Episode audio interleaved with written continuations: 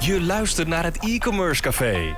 Blijf vanaf nu altijd op de hoogte van de laatste trends en ontwikkelingen omtrent e-commerce. Schenk je favoriete drankje in. En luister naar informatieve blogs en posts. Leer van andere succesvolle e-commerce ondernemers. En blijf op de hoogte van de laatste ontwikkelingen.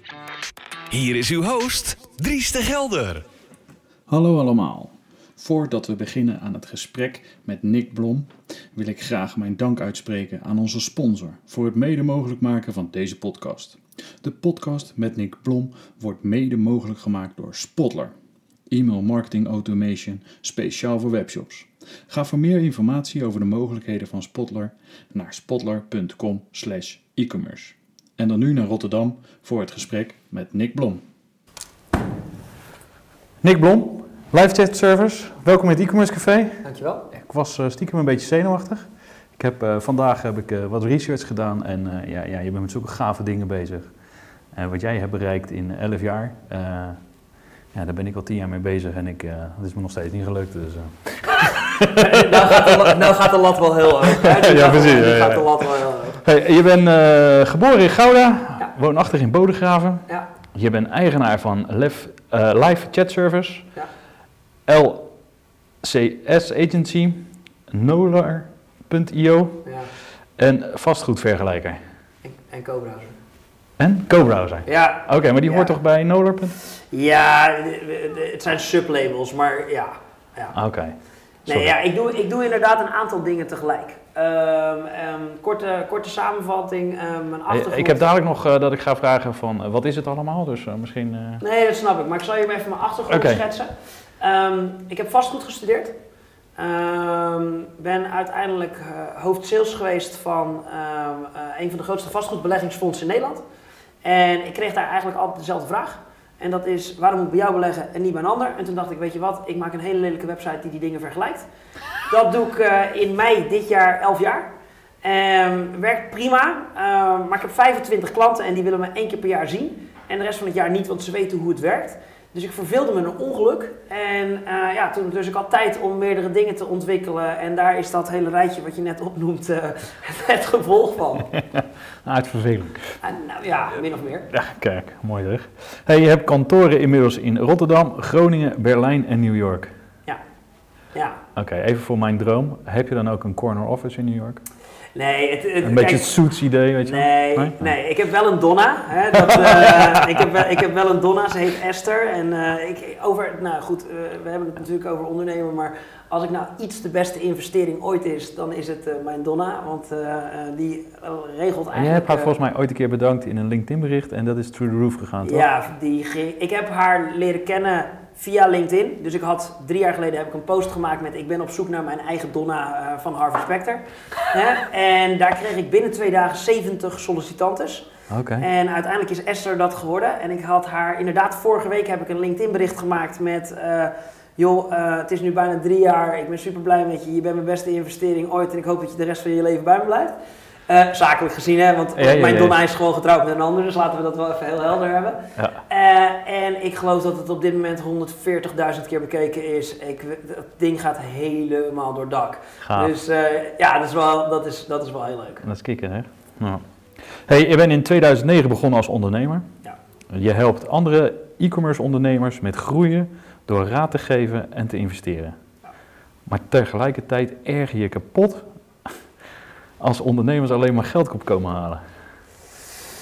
Ja, ja. ehm, nou, klopt. Kijk, ik, ik doe een. eh, ehm, ehm, wat ik het leukste vind om te doen, en gelukkig mag ik dat in mijn werk heel veel doen, is met iemand meekijken naar zijn business case. En eh, met Live Chat Service, even heel kort de bocht, wat we daar doen is, hè, je komt op een website, komt er een pop-up omhoog en die zegt, hi, mijn naam is Nick, kan ik je helpen?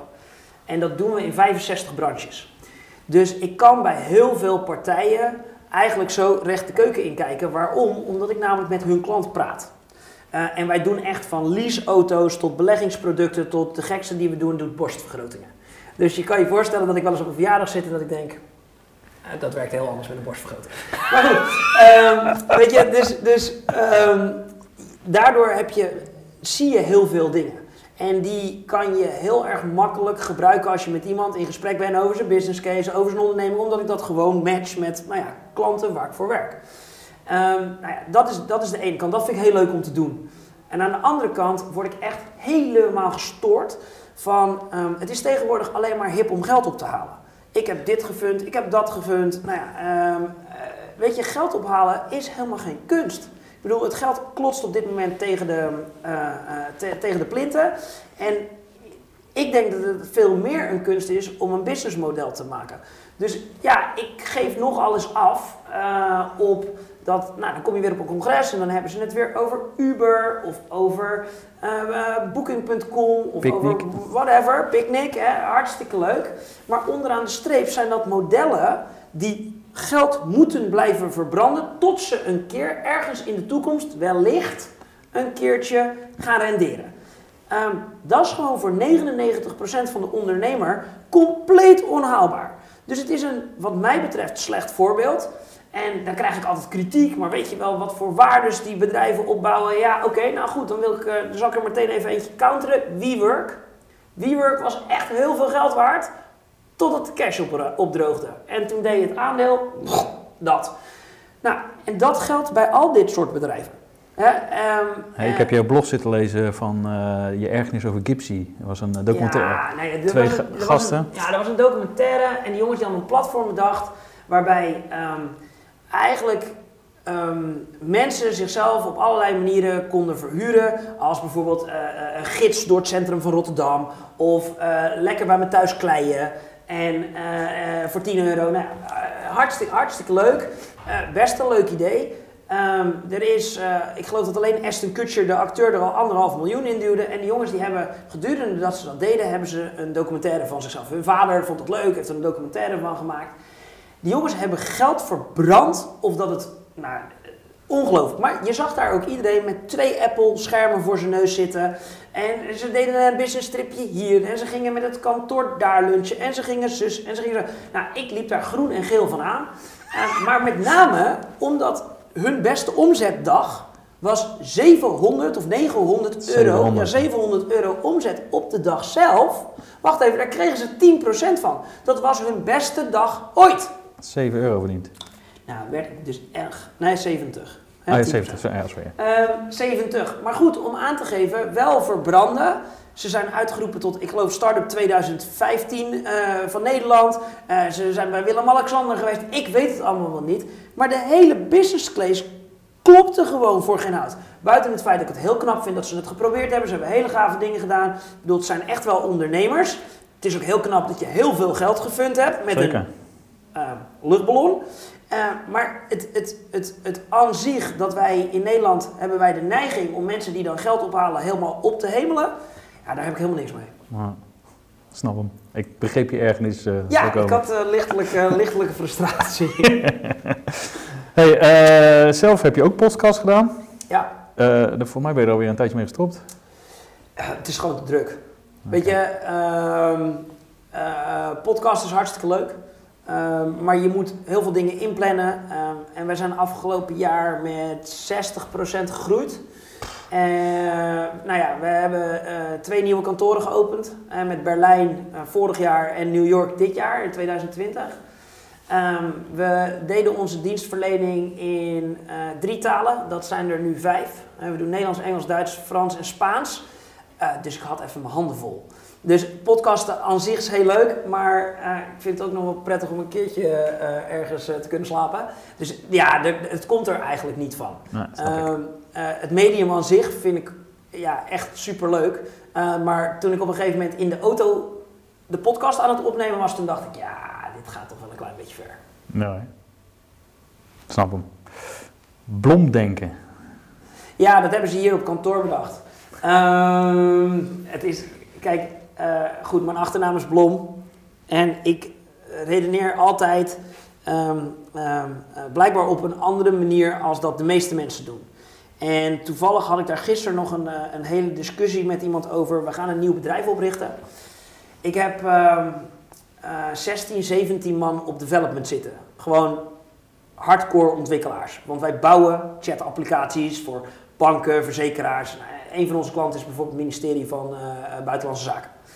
En ehm, wij hebben letterlijk één Nederlander in dienst. En de rest zit in het buitenland. Dus die zit in Oekraïne, in ehm, ehm, eh, Egypte zitten er drie, Spanje en Macedonië. En eh, dus wij hebben complete remote teams. En die moet je op een bepaalde manier aansturen. Maar goed, we hebben er inmiddels 17. Ik geef geloof ik 1,2 miljoen euro dit jaar uit aan development. Wat ik een serieus bedrag vind. Dat ik denk dat het beter is als wij gewoon een recruiter aannemen en dat zelf gaan doen, maar ook aan de markt gaan aanbieden. Hè, zodat we dat voor andere partijen kunnen doen. En een van die partijen met wie we het op dit moment doen, die, ziet daar, die denkt, ja fuck, ik raak mijn handel kwijt. Dus die ging mij bellen. En die ging me een heel verhaal zitten leggen, maar hoe dan het businessmodel en hoe de markt in elkaar zit en et cetera. En toen zei ik ook tegen hem, maar weet je, ik heb geen verstand van de recruitmentmarkt. Um, ik heb ook echt helemaal geen interesse in verstand van de recruitmentmarkt. Ik heb gewoon ergens zelf pijn. En die pijn is, is dat ik 30% misschien wat te veel betaal. Dat is mijn pijn. En die ga ik voor mezelf oplossen. En daarnaast ga ik nog even een businessmodel erbovenop zetten. Dus met de doelstelling dat ik straks helemaal niks meer aan development betaal. Um, en dat is mijn manier van denken. dus wat de rest doet, thumbs up, moeten ze lekker doen. Uh, nou ja, goed, we deden in december met het chatbedrijf 100, meer dan 100.000 chats. Ik heb geen callcenter ervaring. Ik heb echt werkelijk geen idee. Ik verzin gewoon wat we gaan doen. En dat bedoelen ze met, ja, Nick is altijd eigenwijs en doet het op zijn eigen manier. Hm. Blomdenken. Blomdenken, ja. Oké. Hey, uh, een kreet van jou is uh, make it happen. Ja, heb ik keihard gestolen. Uh, de gemeente, wij, wij, zitten met het hoofdkantoor in Rotterdam. Hè, daar, daar zijn we nu ook. En uh, de gemeente Rotterdam heeft uh, uh, een aantal jaren geleden toch bedacht van joh, we moeten die stad een impuls geven. En dat zie je aan een aantal dingen die ze hebben gebouwd. Hè. Bijvoorbeeld het pand de Rotterdam langs de Maas, het, het, het, nieuwe station. En ze hebben flink geld geïnvesteerd en dat hebben ze met nou ja, de gedachte niet lullen maar poetsen. make it happen, internationaal en et cetera. En ik heb eigenlijk gewoon die slogan geadopteerd. Waarom? Omdat dat ook een beetje de manier is waarop ik onderneem. Ik schrijf geen businessplan, ik heb een idee en we gaan het gewoon doen. En gaat dat altijd goed? Nee. Uh, stoot ik een keer mijn neus? Ja, absoluut. Alleen, het heeft dat, ik denk waar heel veel ondernemers in zitten en of toekomstige ondernemers, is het maken van plannen, het bedenken van strategieën en, en, en, en, en, en, en, en uiteindelijk gebeurt er gewoon geen kloten het is in mijn optiek vaak gewoon van jongens, we gaan dit gewoon even proberen. En in mijn geval is dat vaak van joh, ik heb een idee. Ik ga gewoon even vijf mensen bellen met, hey, ik heb een idee, wat vinden jullie hiervan? Um, en gewoon beginnen. Dus het, het make it happen, doe het gewoon in plaats van maar dat geëmmer en geëmmer. Um, daar schiet niemand wat, wat mee op. Nee, niet lullen maar poetsen dus. Ja. Dat zei uh, Lieke van der Plas ook, Rotterdamse onderneemster. Ja. Die heb ik vorige week, een paar weken geleden, is vorige week live gekomen. Dus, leuk, uh, leuk. Deze komt misschien over drie weken live. Dus. Hey, gaaf. Hey, uh, je hebt nog een cadeautje voor de luisteraars eventueel? Ja, nou ja, goed. Wij gebruiken dat, uh, dat boekje eigenlijk als, als giveaway. ons logo staat er ook niet op, hè, dus je kan hem ook daadwerkelijk meenemen zonder dat je ergens voor lul loopt. Um, dus we geven er 10 weg. Um, dus als iemand eh, een comment achterlaat bij de podcast met gewoon even zijn naam of wat dan ook, uh, dan gaan we er tien verloten en die uh, gaan we je netjes even toesturen en dat, uh, dat wordt hartstikke leuk. Helemaal te gek man. Leuk, zullen ze blij mee zijn denk ik. Hey Nick, ehm, wat is het leukste wat je afgelopen week hebt gedaan? En niet zakelijk. Niet zakelijk? Yeah. fuck. Ja, dan. Oh, Blijdorp met mijn dochters. Ja? Ja, ja, ik moest even nadenken, want het was een vrij drukke zakelijke week, omdat. Um, um, uh, um, het is vandaag pas dinsdag, maar ik keek even naar vorige week. En vorige week was onder andere de, de ABN tennis. Dus daar was ik uh, behoorlijk, uh, behoorlijk druk mee. Maar ik ben afgelopen. Ik heb een dochter van. Is dat voor jou, voelt dat als werken als je daar bent? Nee, maar goed. het is werk. Het, Kijk, het, het, het, was hartstikke leuk. Uh, maar onderwijl doe ik er ook gewoon handel. Maar goed, weet je, werk voelt voor mij überhaupt niet als werk. Ja. Uh, en uh, ik ben gewoon, kijk, ik heb, ik heb één heel groot geluk. En dat geluk is, is dat ik niet de hele dag achter mijn bureau hoef te zitten om te werken. dus ik ben vanochtend eerst in de sportschool geweest. En daar heb ik de tijd om over dingen na te denken. En we hebben hier een operationeel directeur die de operatie draait. Ehm, waardoor ik de ruimte heb om gewoon ook eventjes andere dingen te doen. Dus als ik bijvoorbeeld achter mijn bureau zit en ik denk het gaat even niet, dan stap ik even op de motor en rijd ik even een rondje. En dan heb ik even tijd om ergens- ergens over na te denken. Dus Accepteer je dat ook van jouw personeel? als ze dat doen. Ja? Ehm, ja. ja, eigenlijk wel. Ehm, ja en nee, want eh, de- het ligt er een klein beetje aan in de, in de functie. Maar eh, we hebben een kantoor in Groningen. Nou, ik, ja, goed. Ik heb anderhalf jaar geleden heb ik dat softwarebedrijf gekocht. En ik, eh, maar goed, ik nam dus ook de twee aandeelhouders over. Want het was zo'n uitkoopconstructie met jullie moeten 18 maanden blijven. Ik ben er trouwens super trots op, want dat is deze maand 18 maanden geleden. En allebei de aandeelhouders blijven. Nou, dat komt niet zo heel vaak voor. Als aandeelhouder? Of? Nee, nee, nee, want ik heb ze 100% uitgekocht, maar ze blijven gewoon in loondienst. Eh, omdat het gewoon super leuk is. En we werken super leuk samen. Maar goed, ik heb daar dus een CTO, hè, eh, eh, Chief Te- Technical Officer. En dan bel ik hem wel eens eh, op, weet ik veel, dinsdagmiddag. En dan denk ik, ik wist niet dat het bij ons op kantoor waaide. Nou, dan zit hij dus duidelijk niet achter zijn bureau. Het is een programmeur. Dus wat de fuck hij er aan het doen is, weet je, dat is ook een kwestie van Kijk, wij spreken met elkaar dingen af. We- Wij spreken af, we hebben bepaalde milestones. En dan kan ik wel de hele dag op zijn vingers gaan zitten kijken. Eh, buiten het feit dat ik het in Groningen niet kan. ehm, werkt dat ook op die manier niet. Dus ja, mensen hebben wel heel veel vrijheid.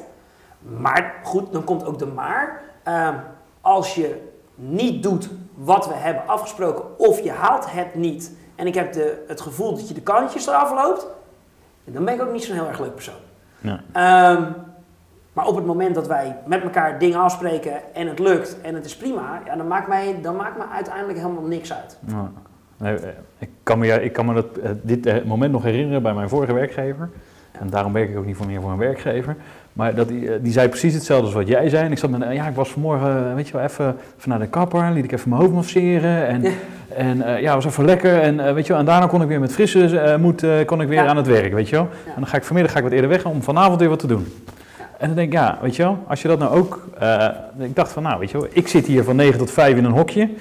Als je mij die ruimte ook geeft, dan, dan zou ik ook zo makkelijk en, en misschien nog wel veel productiever zijn. Ja, dat ben ik met je eens. Alleen wat je wel ziet, eh, is dat ehm, heel veel mensen, en ik bedoel, ik ik ben nu even eh, iedereen over één kam aan het scheren, maar dat er heel veel mensen niet mee om kunnen gaan.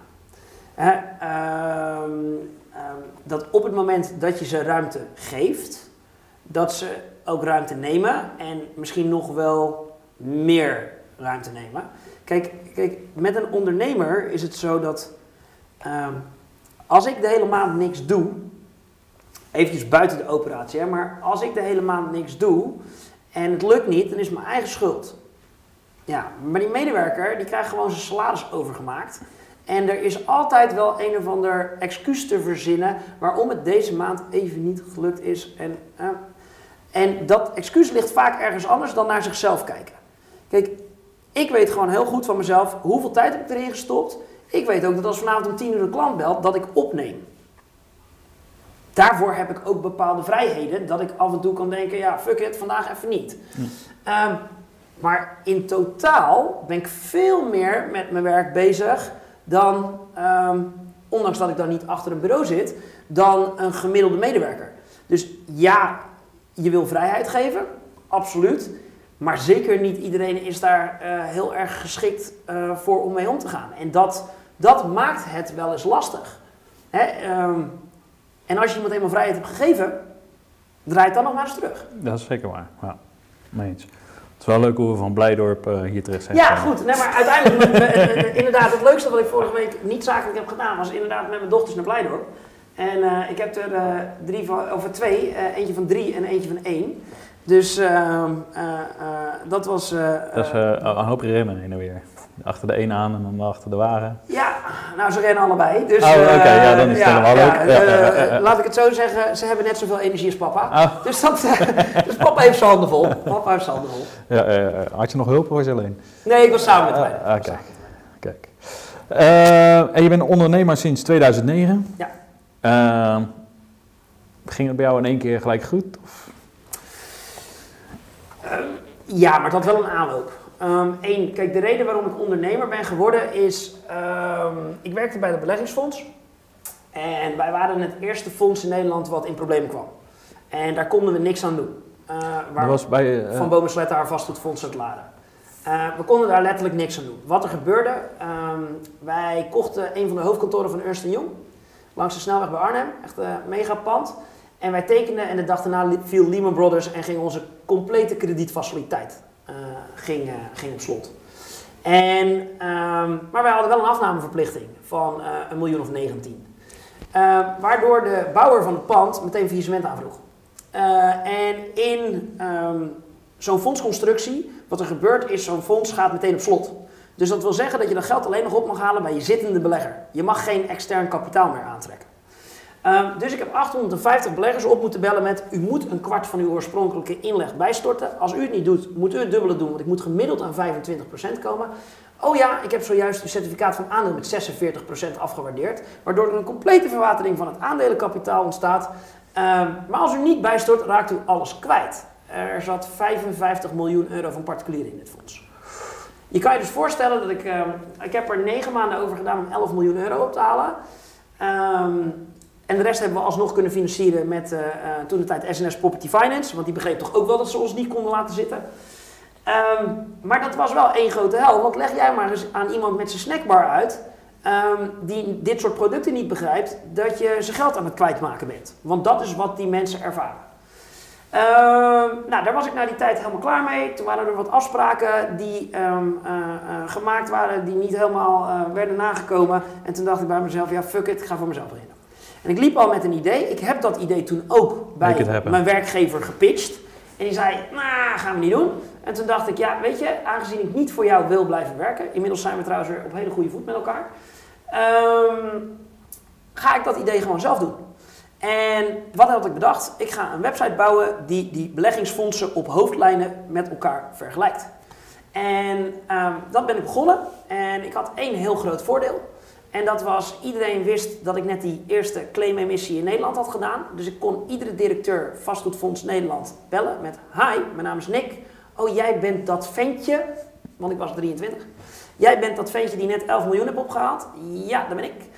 Kom maar langs. Nou goed, en eh, gelukkig waren er een heleboel die gaven me het voordeel van de twijfel. Van nou ja, weet je, het is best een goed idee. Eh, ze hebben me ook meteen vanaf dag 1 bedreigd. Dat was ook wel briljant. Ik zat bij de eerste, dat is ook degene waarom ik min of meer eh, dat chatbedrijf ben begonnen. En die zei tegen mij, hij zegt even één dingetje. Onze branche, daar zitten ook een paar rommelaars in. En als jij mij één keer in een lijstje zet met één van die rommelaars, dan stop ik ermee en dan bel ik al mijn collega's dat ze er ook mee moeten stoppen. Wacht even, ik was net twee weken voor mezelf begonnen. En toen dacht ik, oh, oké, dat gaat dus op deze manier. Eh, fijn. Ehm, ik kan dus ook zeggen dat ik de afgelopen elf jaar geen één malafide partij online heb gehad. Eén, omdat ik het niet durfde. En twee, omdat ik gewoon dacht, ik had er wel heel veel geld aan kunnen verdienen, maar ik heb het niet gedaan. Eh, daarom kan ik nog steeds met dezelfde, ik doe met exact dezelfde partijen zaken als elf jaar geleden. Gaaf. Ehm, ja. Dus dat is super cool. Maar ja, dat geeft ook vertrouwen natuurlijk. Mega. Ja. Mega. Eh, als we die mensen nu bellen, staan ze ook allemaal voor me in dat ik gewoon, wat ik zeg, dat ik het ook gewoon nakom. Hè, dat wil niet zeggen dat ik nooit een foutje heb gemaakt of iets, iets dergelijks, Maar wel gewoon altijd eerlijk, eerlijk gehandeld. Dus dat, was, ehm, dus dat was eigenlijk het begin. Dus ik kreeg het voordeel van de twijfel. En toen is het langzaam gaan lopen. Ehm, dus het was, was het vanaf dag één een groot succes? Eh, nee. Nee, zeker niet. En ik verdiende het eerste jaar echt beduidend minder als wat ik bij de beleggingsfonds verdiende. Ehm, ik had één heel groot voordeel. Ik had heel goed gespaard. Eh, mijn vader zat op de markt. En ik moest vanaf kinds af aan mee. En toen hebben ze me heel goed... Met eh, wat voor producten stond u op de markt? dameskleding. Dus eh, ja, was heel, was, was heel leuk. Heel hard leren werken. Ehm, ehm, want dat wordt daar ook min of meer... Doet u het Eh, nog? Ja, het is ook niet... Weet je, het is daar niet... Het wordt, het wordt je niet verplicht. Ehm, maar het is ook niet makkelijk nee zeggen. Ehm, dus ik heb... eh, ik draaide... Ik, nou, ik zat op het hbo en ik draaide gewoon 80 uur in de week bij mijn vader. Dus ik ging voor school, ging ik eerst opbouwen en na school ging ik afbouwen en et cetera. Vond het heel leuk. Ehm, heb daar gewoon heel hard leren werken.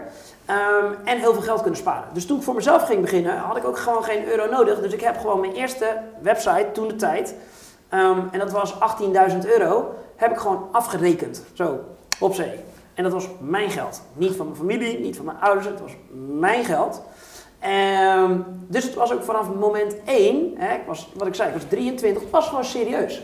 Ja. Ik moest dit gewoon ehm, even doen. Ehm, en dat heb ik tot de dag van vandaag volgehouden. Ik heb nog nooit 1 euro vreemd vermogen gebruikt. Nog nooit een bank aangesproken. Nog nooit geen belegger, geen helemaal niks. Ik heb tot op heden alles zelf kunnen doen. Het gaat wel veranderen. Superstore. Ja. Oh.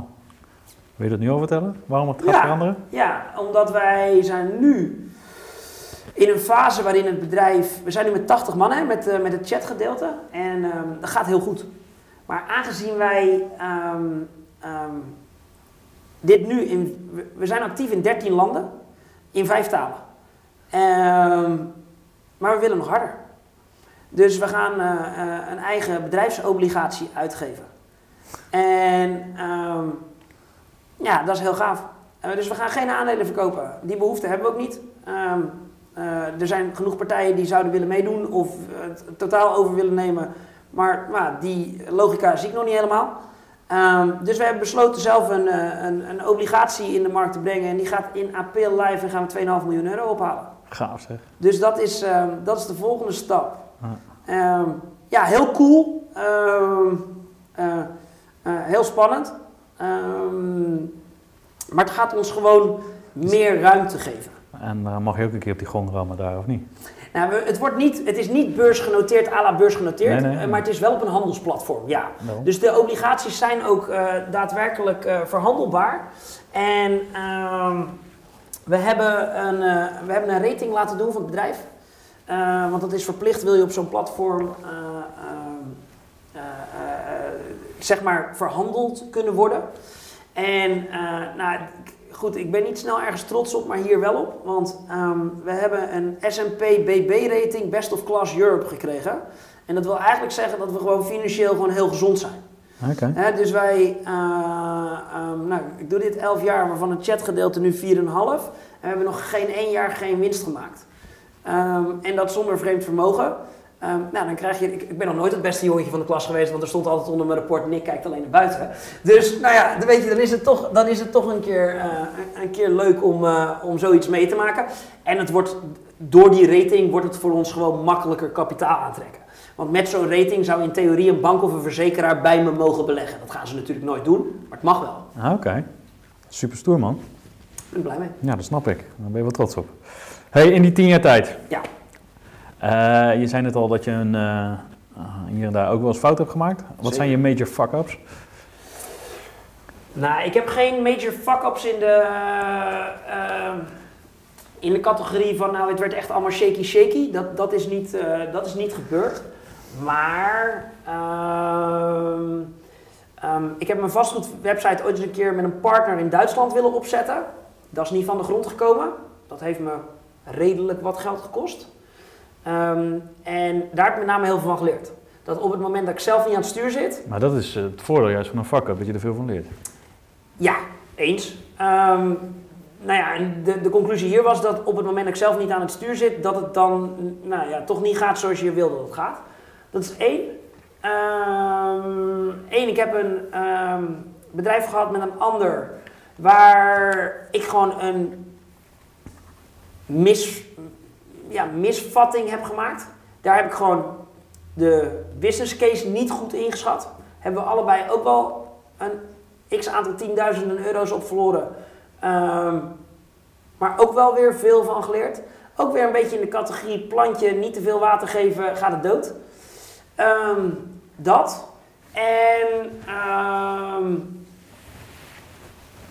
wat ik denk ik, wat, wat in, de, in de tien jaar bij mij het, het, het, het meeste is geweest, is.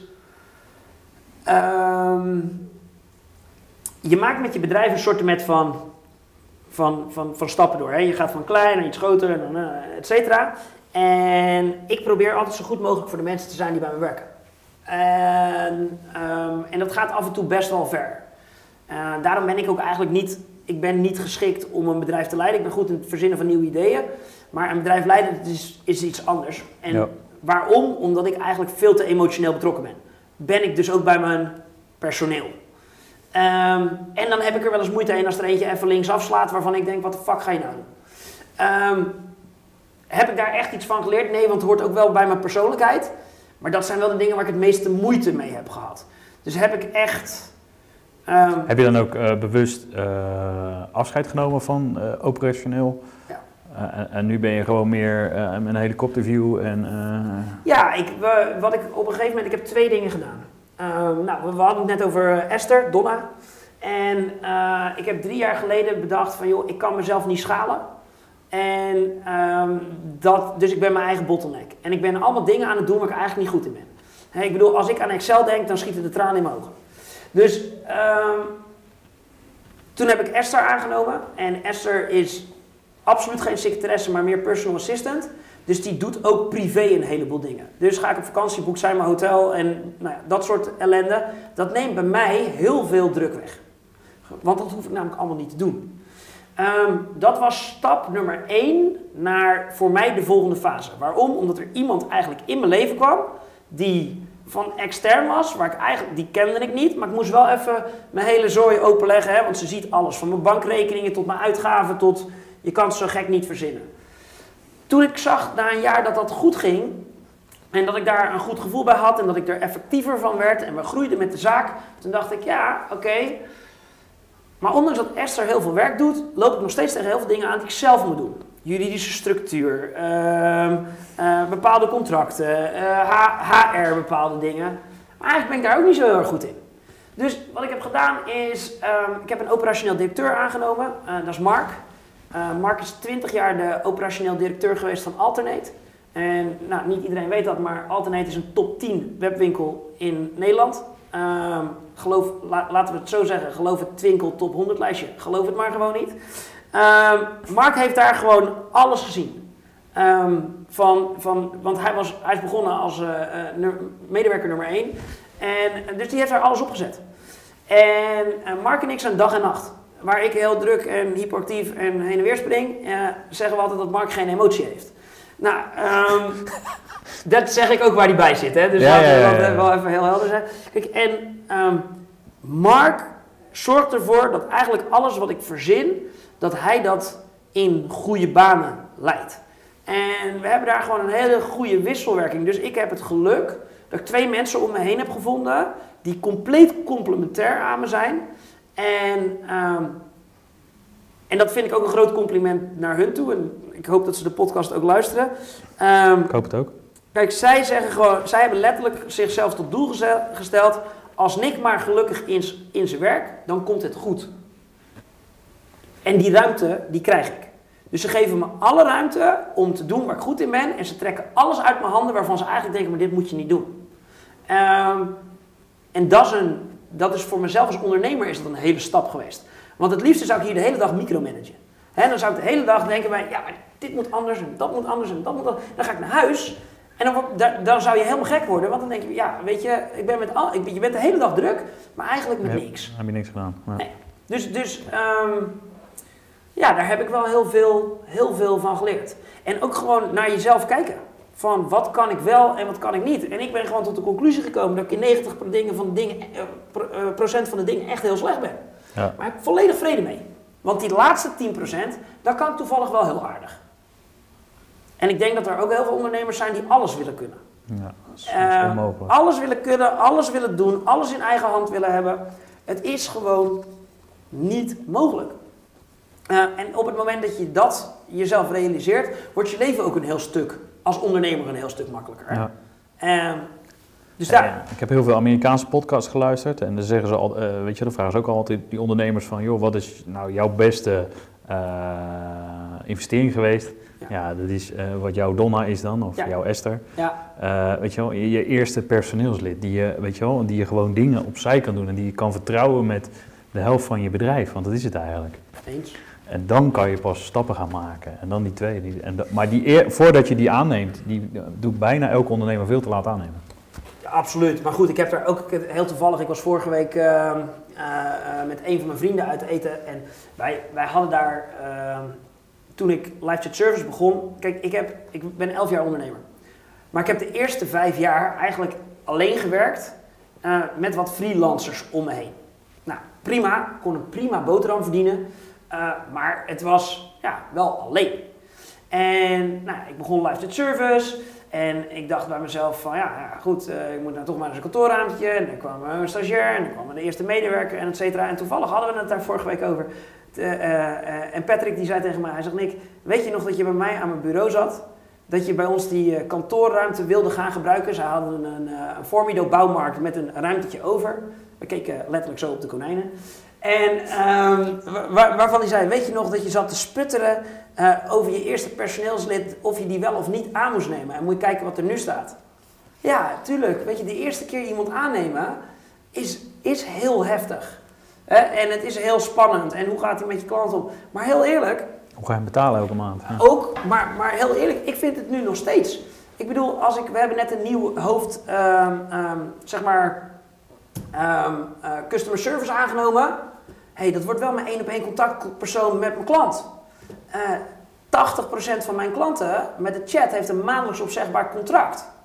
Als zij de heks uithangt, heb ik over, over twee maanden echt een mega probleem. Nou hebben we heus wel iemand geselecteerd waarvan we denken dat gaat goed. Maar, maar om even aan te geven, ja, je legt ook heel veel vertrouwen uh, uh, bij iemand neer. En dat is, um, dat is ook wel lastig.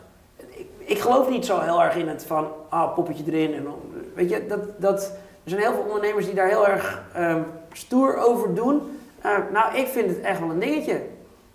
ik vind sollicitatieprocedures um, ook echt wel dat je denkt van, nou, uh, niet over één nacht ijs, want ja, als je de verkeerde aanneemt, heb je best wel een probleem. Zeker, dat geloof ik. Hey, uh, in die tien jaar tijd, je dieptepunten? Ja, nou ja, goed.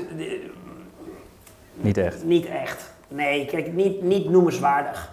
Weet je, tuurlijk, kijk, laat ik het... Wacht even. Dieptepunten. Kijk, het ligt er net aan hoe je dieptepunt definieert. Hè? Uh, ik betaal per jaar. Met slapeloze nachten? Oh ja, maar dat sowieso wel. Ja? Ik heb toevallig vorige week. Uh, was ik om uh, kwart voor drie s'nachts wakker. En om kwart over drie was ik hier gezellig in het centrum aan het rondwandelen. Want ik kon niet meer slapen. Maar goed, dat had meer te maken met: oh fuck, we moeten nog dit, we moeten nog dat. Was meer positief. Um, kijk, negen. Kijk, dan rij je kwart over drie vanuit Bodegraven hier naartoe. Ja. Ja, want ik dacht bij mezelf, ja, joh, ik kan hier nu wel blijven liggen, maar dat heeft helemaal geen zin. Dus um, ja, ik was klaar wakker. Dus toen heb ik hier inderdaad even, ik was naar kantoor, ik heb mijn auto geparkeerd, even een gezellig rondje gewandeld en, um, en gewoon aan het werk gegaan. Um, kijk, even over, over dieptepunten. Hè. Uh, nee, ik heb geen hele grote dieptepunten gehad waarvan ik nou echt, die kan ik er specifiek opnoemen. Maar ik betaal wel per jaar heel veel leergeld. Hè, en dat zijn allemaal kleine dingetjes. Hè, uh, uh, van een medewerker die, die zich ziek meldt tot aan, hè, je kan het zo of een verkeerde investering, of je gaat er een beurs toe. Die, dus weet je, ik heb, um, ik weet van mezelf dat ik per jaar een x bedrag, daar kan ik gewoon zo een streep doorheen zetten en dat is mijn leergeld. Um, daardoor word ik ook ieder jaar, als het goed is, beter in hetgene wat ik doe.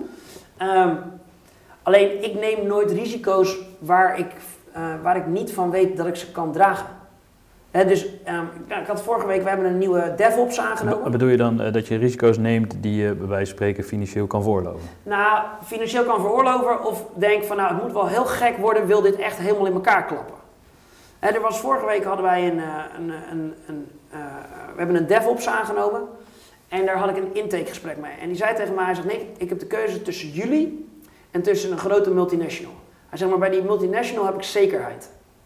Nou, dat, dat, klopt. Ik zeg, maar goed, ik kan jou met mijn hand op mijn hart zeggen dat ik in staat ben om de komende zes maanden, of jouw contract is zeven maanden, om jouw salaris te betalen. Want anders zou ik je namelijk gewoon domweg niet aannemen. En ik kan het je ook nog even onderbouwen. Kijk hier. Um, wil dat zeggen dat ik nooit een risico neem? Jawel, ik ga volgende week um, hebben we een beurs in Berlijn. Uh, de week daarna hebben we een beurs in München. Dat kost me allebei gigantisch veel geld. Ja, ik heb geen idee wat eruit komt. Ik ben er ook nog nooit eerder geweest. Ja, ik ben in die beurs één keer wezen kijken. Um, voor wat voor bedrag heb je het dan? Ik denk bij elkaar poeh, 70, 80 mil. Voor twee beursjes. En de ene is twee dagen en de andere is drie dagen. Ja, vind ik serieus geld. Zeker. Vind ik serieus geld. Uh, aan de andere kant, uh, als ik een risico-inschatting maak, ja, nou, dan is ook te doen. Dan is het ook te doen. Maar goed, dan moet mijn salesafdeling goed opvolgen. Mijn marketing moet werken. Hè, uh, de stand moet klaar zijn. Ik heb vanochtend mijn marketeer nog over zijn bureau heen getrokken. Omdat mijn doeken hopelijk op vrijdag op tijd geleverd zijn, aangezien we zondag moeten vertrekken. Nou ja, dat soort, dat soort dingen. Uh, ja, dat, dat, dat hoort er wel bij. Uh, is dat ook een soort van micromanager? Uh, nee, dit was gewoon de categorie. Ik ben heel erg kwaad, want waarom heb je je werk niet gedaan? Oké. Okay. nee, kijk, uiteindelijk. Uh, kijk, micromanager is, is. Aan de ene kant moet je dingen loslaten. Maar net zoals uitingen naar buiten, daar wil ik alles van zien. Want de zaak is ook aan mij persoon gekoppeld. Ja. Hè, dus um, het is niet alleen, kijk, wij zijn geen Unilever. Bij Unilever heb je geen idee wie er in de raad van bestuur zit. Eh, dat maakt ook niet uit. Alleen in mijn bedrijf um, ja, ben ik uh, in mijn eentje de raad van bestuur. En dan, dus dat zit aan mijn persoon. Dus als hier iemand echt iets debiels naar buiten stuurt, dan ziet heel de wereld en die denkt, hé, hey, dat is, nou ja, en dat wil ik ten alle tijde voorkomen. Maar op de vloer, met de chat operators en zo, daar doe ik in principe niks. Dat wordt gewoon allemaal geregeld. Oké. Okay. je hoogtepunten als ondernemer? Ik denk dat die komt natuurlijk met je beurs. Met je obligatie? Ja, uh, nee. Mijn, mijn, uh, mijn, groot, mijn grootste hoogtepunt is uh, dat, ehm, en dat, dat heeft eigenlijk niks met mijn werk te maken. Ja, dat is heel raar. Ehm, ik ben hier namelijk 95% aandeelhouder. En een van de jongens die bij mij werkt is Walid. En die heeft 5% van de aandelen. En die heb ik hem gegeven. En Walid die, die kwam bij mij werken. die kwam bij mij, laat ik het anders zeggen, die kwam bij mij solliciteren. En nou ja, wij klikten en dat was leuk. En aan het eind van het sollicitatiegesprek zegt hij, ik heb een probleem. Want ik zei namelijk, ik wil, in het eerste gesprek zei ik, ik wil graag dat je bij me komt werken. Hij zegt, ja, maar ik heb een probleem. Ik zeg, nou, wat is het? Hij zegt, ja, ik uh, moet nog afstuderen. Ik zei, ja, oké. Hij zegt, maar ja, dat wil dus ook zeggen dat ik nog een scriptie moet schrijven. Maar ik heb een salaris nodig, want ik heb twee kindjes. En niemand wil me de baan geven, want ja, dus ik zit op de vrachtwagen van de Albert Heijn en ik heb nog zes maanden. Want anders vervallen al mijn punten en heb ik dus alles voor niks gedaan. Toen dacht ik, ja, oké, okay, uh, nou ja, daar hebben we een oplossing voor gevonden. En uh, inmiddels is die compagnon, stuurt die team aan, heeft die, is het, uh, nou wil ik mijn andere vrienden niet, niet, niet, niet, doen, maar laten we het zeggen, een van mijn beste vrienden. en dat is vanuit een werkrelatie ontstaan. Gaaf. En daar ben ik heel trots op. Ehm, dus dat is heel gaaf. En natuurlijk ben ik ook trots op uh, iets vanaf Maar als je een hoogtepunt moet uh, uh, noemen, dat van oké, okay, toen we dit bereikt hadden, dat was echt super gaaf. Want mijn vervolgvraag is namelijk, hoe heb je dat dan gevierd?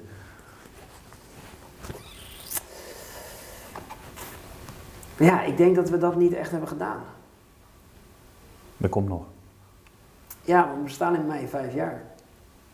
En, in, en in mei gaan wij inderdaad een heel groot feest geven. Ja. Okay. Nee, uh, ik heb niet. Uh, het is eigenlijk allemaal zo achter elkaar gegaan. Uh, en natuurlijk hebben we bij een groot contract wel eens een fles champagne opengetrokken of, of iets dergelijks. Ehm, maar nee, we hebben niet. Ehm, weet je, ik heb ook nog steeds het gevoel dat ik net begonnen ben. En dat is, ik denk dat dat ook een beetje er, ermee te maken heeft. Um, wij zijn nu pas echt hard aan het versnellen. Kijk, wat ik, wat ik zelf heel gaaf vind, um, is het internationale aspect. Weet je, als ik weer drie dagen naar Berlijn mag en ik loop daar in het centrum van Berlijn, waar ons kantoor gevestigd is, dan denk ik wel eens, moet ik mezelf toch even knijpen. Gaat Esther dan mee? Of, uh, die nee, nee, nee, nee, nee. Esther, uh, Esther moet, er moet iemand op de zaak passen. Hè? Dus uh, dat hebben we toch een ja, daar hebben we Mark voor. Nee, nee, nee, nee. nee.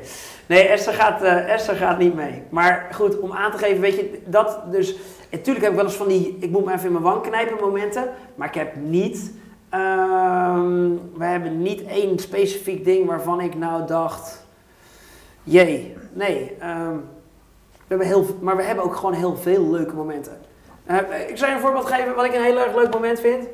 Eh, we hebben vorige week, eh, en, en het is helemaal geen grote klant, maar ik vind het heel, echt heel leuk. We hebben de Efteling getekend. Gaaf. Nou, weet je, dat, dat, vind, ik, dat vind ik heel leuk. Ja. Ehm, Ik had vorige week een gesprek met de oud-eigenaar van Pezen, een koffiemerk. ja, En die had Koninklijke Huis als klant binnengehaald ooit. eh, Weet je? Ja. Ja. dat was voor hem ook een hoogtepunt. Ja, nou ja, goed. Weet je, en, en dan nogmaals, dan gaat het ook niet eens om de grootte van, van, van, van het bedrijf of het grootte van het contract, maar meer, het is een, een, de Efteling is een icoon. Ja, naam. Weet je, eh, we doen, ehm, eh, je kent waarschijnlijk sportkledingmerk Under Armour. Wij, wij, dat is het, nou ja, niet iedereen weet dat, maar het is het vierde grootste sportmerk ter wereld. Gewoon een For- Fortune 500 bedrijf. En wij doen hun complete Europese klantenservice in vijf talen. Ehm, nou, dan, natuurlijk denk je dan wel even van, holy fuck, hoe komen ze nou weer bij mij uit? Ja, dat, dat, dat, dat is gaaf. Ehm, Hoeveel man werkt er aan eh, zo'n opdracht? wij hebben er bij hun 5, 26 ingewerkt, denk ik. Wauw. Ja. Maar goed, dan moet ik wel zeggen, die chat operators bij ons die worden ehm, multi-client ingezet. Want als ze de hele dag over één product moeten chatten, dan gaan ze s'avonds naar huis en dan zijn ze er helemaal klaar mee. Eh, dus ze doen meerdere klanten door elkaar heen. Hey, ehm, voordat we even over je chatservice gaan praten, ehm, heb ik nog even twee vraagjes. Eh, hoe zie jij de toekomst van e-commerce?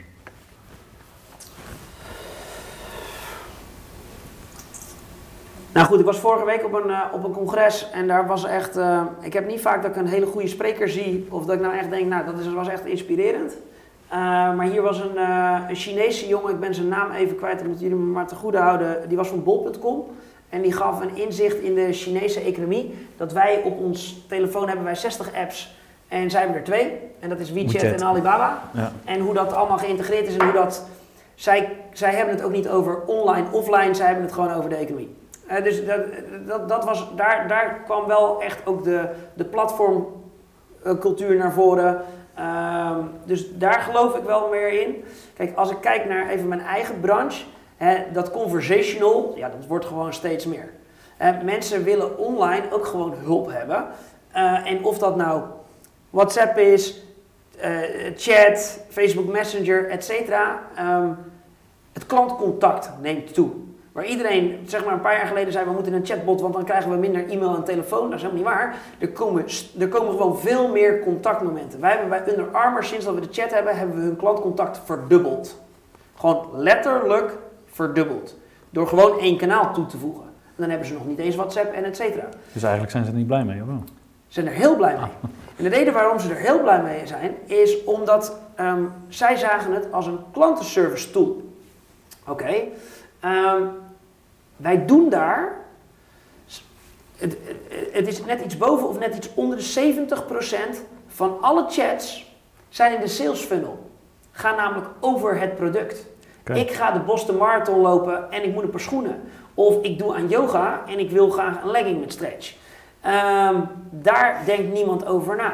Iedereen denkt alleen maar van we gaan die klant opvangen en dan zijn vraag beantwoorden. Nee, als je kijkt naar alle chats die wij draaien, 75% van alle chats die beginnen nadat ik hallo heb gezegd. Dus die proactieve benadering met hi, kan ik je helpen, is mega belangrijk in een saleskanaal. En ik denk dat daar, ehm, als je e-commerce technisch kijkt, hè, dan wordt er heel veel geïnvesteerd in traffic, in de website, in AB-testen en et cetera. En dan vergeten we met z'n allen te praten met de klant. Ik denk dat daar heel veel te winnen is. Op een vrij eenvoudige manier. Alleen moeten we stoppen met het benaderen als kostenpost. Maar het zien als marketing, slash sales of whatever. Wij willen met z'n allen, en dat vind ik wel een goed voorbeeld. We willen met z'n allen, en we, we kunnen ze vanaf hier zien zitten, cool blue zijn. Alleen we zijn allemaal te beroerd om er net zoveel geld aan, aan uit te geven. Wat Coolblue doet is helemaal geen rocket science. Hè? Het is heel knap wat ze doen. En ze doen het heel consistent. En ze verzinnen iedere keer weer wat nieuws. Grappigs en debiels. Supergoed. Maar in de basis is het niet echt heel erg ingewikkeld. Nee. Nou ja, ehm, maar op het moment dat je dus aan een e-commerce manager vraagt van... Ja, Coolblue, ja, Coolblue. Ja, is goed. Maar wat is jouw budget daarop dan? Ja, dat hebben we eigenlijk niet. Nou, daar zit de crux. Ja. Dus ik denk, eh, ik denk dus aan de ene kant, Eh, dat er steeds meer platformachtig gedacht zal gaan worden. Hè, en dan met China als goed voorbeeld. Ehm, eh, en aan de andere kant denk ik dat je gewoon veel meer uit je traffic zou kunnen halen. Ja, nou, denk ik ook. Oké, en eh, wat is jouw visie op eh, de komst van Amazon? Iedereen is er een beetje panisch voor, maar... Ja, ik word er een beetje moe van. Kijk, ehm, Dus het is gewoon een kans. Tuurlijk is het een kans. Kijk, Amazon doet ook niet alles goed. Nee. Kijk naar Coolblue. Uh, weer als voorbeeld. Die gaan nu duizend monteurs aannemen. Waarom? Omdat Amazon namelijk geen services biedt. Dus die, die, die, dat is een dozenschuiver. En eh, Coolblue heeft heel duidelijk de transitie zijn ze aan het maken met nee, maar wij komen ook nog even bij je installeren en je helpen en je knuffelen en we gaan je ook nog leren hoe dat ding werkt. Nou ja, Dat is goed. ook nog grappig. Ja, en dat doen ze ook nog eens op een hele leuke manier. Ja. Kijk, en, eh, en, en zo zijn er, er zijn heel veel dingen te verzinnen. Ja, Amazon zal een gedeelte van de taart wegpakken. Maar ja, je bent een bedrijf, je zal gewoon moeten blijven innoveren. En je kan nu wel heel spastisch gaan doen van ja, Amazon komt en we gaan met z'n allen naar de kloten. Ehm, ja, er zullen erbij zijn die hun model niet op orde hebben, die er keihard tussenuit gaan vallen. Ja, ehm, die shakeout hoort er gewoon bij. Hoe vervelend dat voor die bedrijven ook is, hè, en dat gun je geen één ondernemer. Ehm, maar dan had je daar al op voor moeten sorteren. Want je weet met all due respect al vijf jaar dat Amazon gaat komen. Al tien jaar. Tien jaar. Je, je kan ook gewoon naar onze zuiderburen kijken. Hè. Het is daar de grootste zoekmachine. Het is niet, weet je, dit is niet... Ik bedoel, dus iedereen die nu in één keer in paniek raakt Amazon komt, denk ik, ja, onder welke steen heb jij gezeten? Ja, mee eens. Maar je, je hoort zo'n trend van, eh, ik heb Marco Konings, die was ook op de webwinkelvakdagen, was die spreker. Eh, die heb ik onlangs geïnterviewd en die zei ook van, ja, we hebben een webshop, zeg maar. Ja. Maar wij focussen echt gewoon nu, we, hebben, we hadden 30 man personeel, of 18, sorry. Ja. En dit is weer terug naar 5, want ze hebben zeg maar een we- webshop eigen activiteit hebben ze zeg maar naar, eh naar Nihil gebracht en zijn volledig gaan focussen op Amazon en Bol. Dus Ja, is een keuze, een strategische keuze vind ik ook een risico. Kijk, ehm, kijk, we weten ook allemaal wat dit soort partijen doen. Dat op het moment dat ze een goede niche zien, dan gaan ze hem zelf in zitten vullen. Ehm, ja, dus je moet je afvragen, is dat dan eh, de manier? Ik, ik had het toevallig ehm, op de webwinkel vakdagen, eh, eh, kwam er een kerel naar me toe die doet iets met veiligheidssloten. En ik ken hem al een hele tijd. Die zegt gewoon, ja, weet je, ik heb een product dat is zo lastig en dat heeft zoveel variabelen. Eh, weet je, mensen komen daar als particulier komen daar gewoon helemaal niet uit. Dus ik kan het wel op Amazon aanbieden, maar het heeft helemaal geen, of op Bol, hebben ze ook geprobeerd. Het had gewoon geen zin. Dus die heeft een hele specifieke website waar absoluut ruimte voor is in de markt. Doet hartstikke goed. Dus ehm, ik ben, kijk, en dat is ook een beetje even terug met ondernemerschap, want je noemde er straks het lijstje op van de bedrijven die ik heb. Ik werd ook niet graag op één paard. Hè, ik puzzel graag dingen aan elkaar die complementair aan elkaar zijn. We hebben een chatbedrijf, oké, want daar zijn we mee begonnen. Daar gingen, dus we gingen chatjes doen. Daarna dachten we, hé, hey, maar die software waar we in werken is voor ons niet ideaal. Weet je wat, we kopen een softwareclub die chatoplossingen bouwt. Daardoor kregen we meer mogelijkheden, konden we nieuwe producten lanceren, konden we nieuwe dingen maken. Hé, hey, maar ja, we hadden ook al heel veel klanten. En ehm, ja, we steeds, steeds vaker de vraag van, eh, ja, maar die data die jij verzamelt, ja, je weet eigenlijk wel heel veel van mijn klant. Zou je ook niet meer marketing kunnen doen? Ja, marketingbureau. Kijk, en zo rijgel je het als het ware, of je, ik zeg het altijd, je puzzelt het in elkaar. Hè, waardoor ook het risico eh, minder wordt. Dus als ik hier een maand minder zou draaien, ja, dat is rot. Maar goed, dan moet het hier gewoon wat harder. En ehm, ik denk dat. Je hoort ook altijd heel veel mensen zeggen van ja, maar je moet focussen, je moet focussen, je moet focussen. Ja. Als je een foutje maakt met je focus, ben je klaar. Dus ik doe liever wat meer tegelijk, buiten het feit dat ik me dan minder ga vervelen.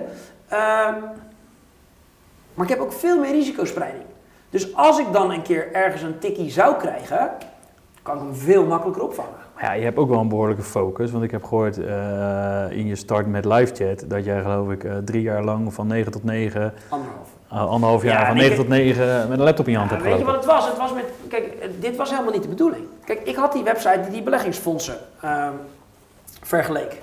En dat ging prima. Kon ik er prima boterham mee verdienen. Maar ja, ik had ook niet zo heel veel te doen gedurende de dag. En ehm, ik zat met een, een, klant aan tafel en ik zei tegen hem, ik joh, luister, je hebt een miljoen euro marketingbudget. Dat ros je er volledig doorheen. Telegraaf, BNR, Harry Mens, zondag, zondagochtend 6 minuten 16.000 euro. Goedemorgen Harry. Ehm, ik zeg dus, en in iedere advertentie die jij doet, doe je hetzelfde. En dat is, ga naar de website. En dan komen die mensen daar en dan kunnen ze vier dingen doen. Bellen, mailen, contactformulier. En 99% denkt, ga ik niet doen. Dus je spendeert 99% van je euro's spendeer jij aan traffic die niet converteert. Dus ik zei tegen die man, ik zeg, weet je wat je zou kunnen doen? Zo'n pop-up met, hi, mijn naam is Nick, kan ik je helpen? Want in een beleggingsfonds zijn die vragen namelijk altijd hetzelfde. Is mijn rendement gegarandeerd? Heeft u een AFM-vergunning? Kan ik mijn inleg kwijtraken?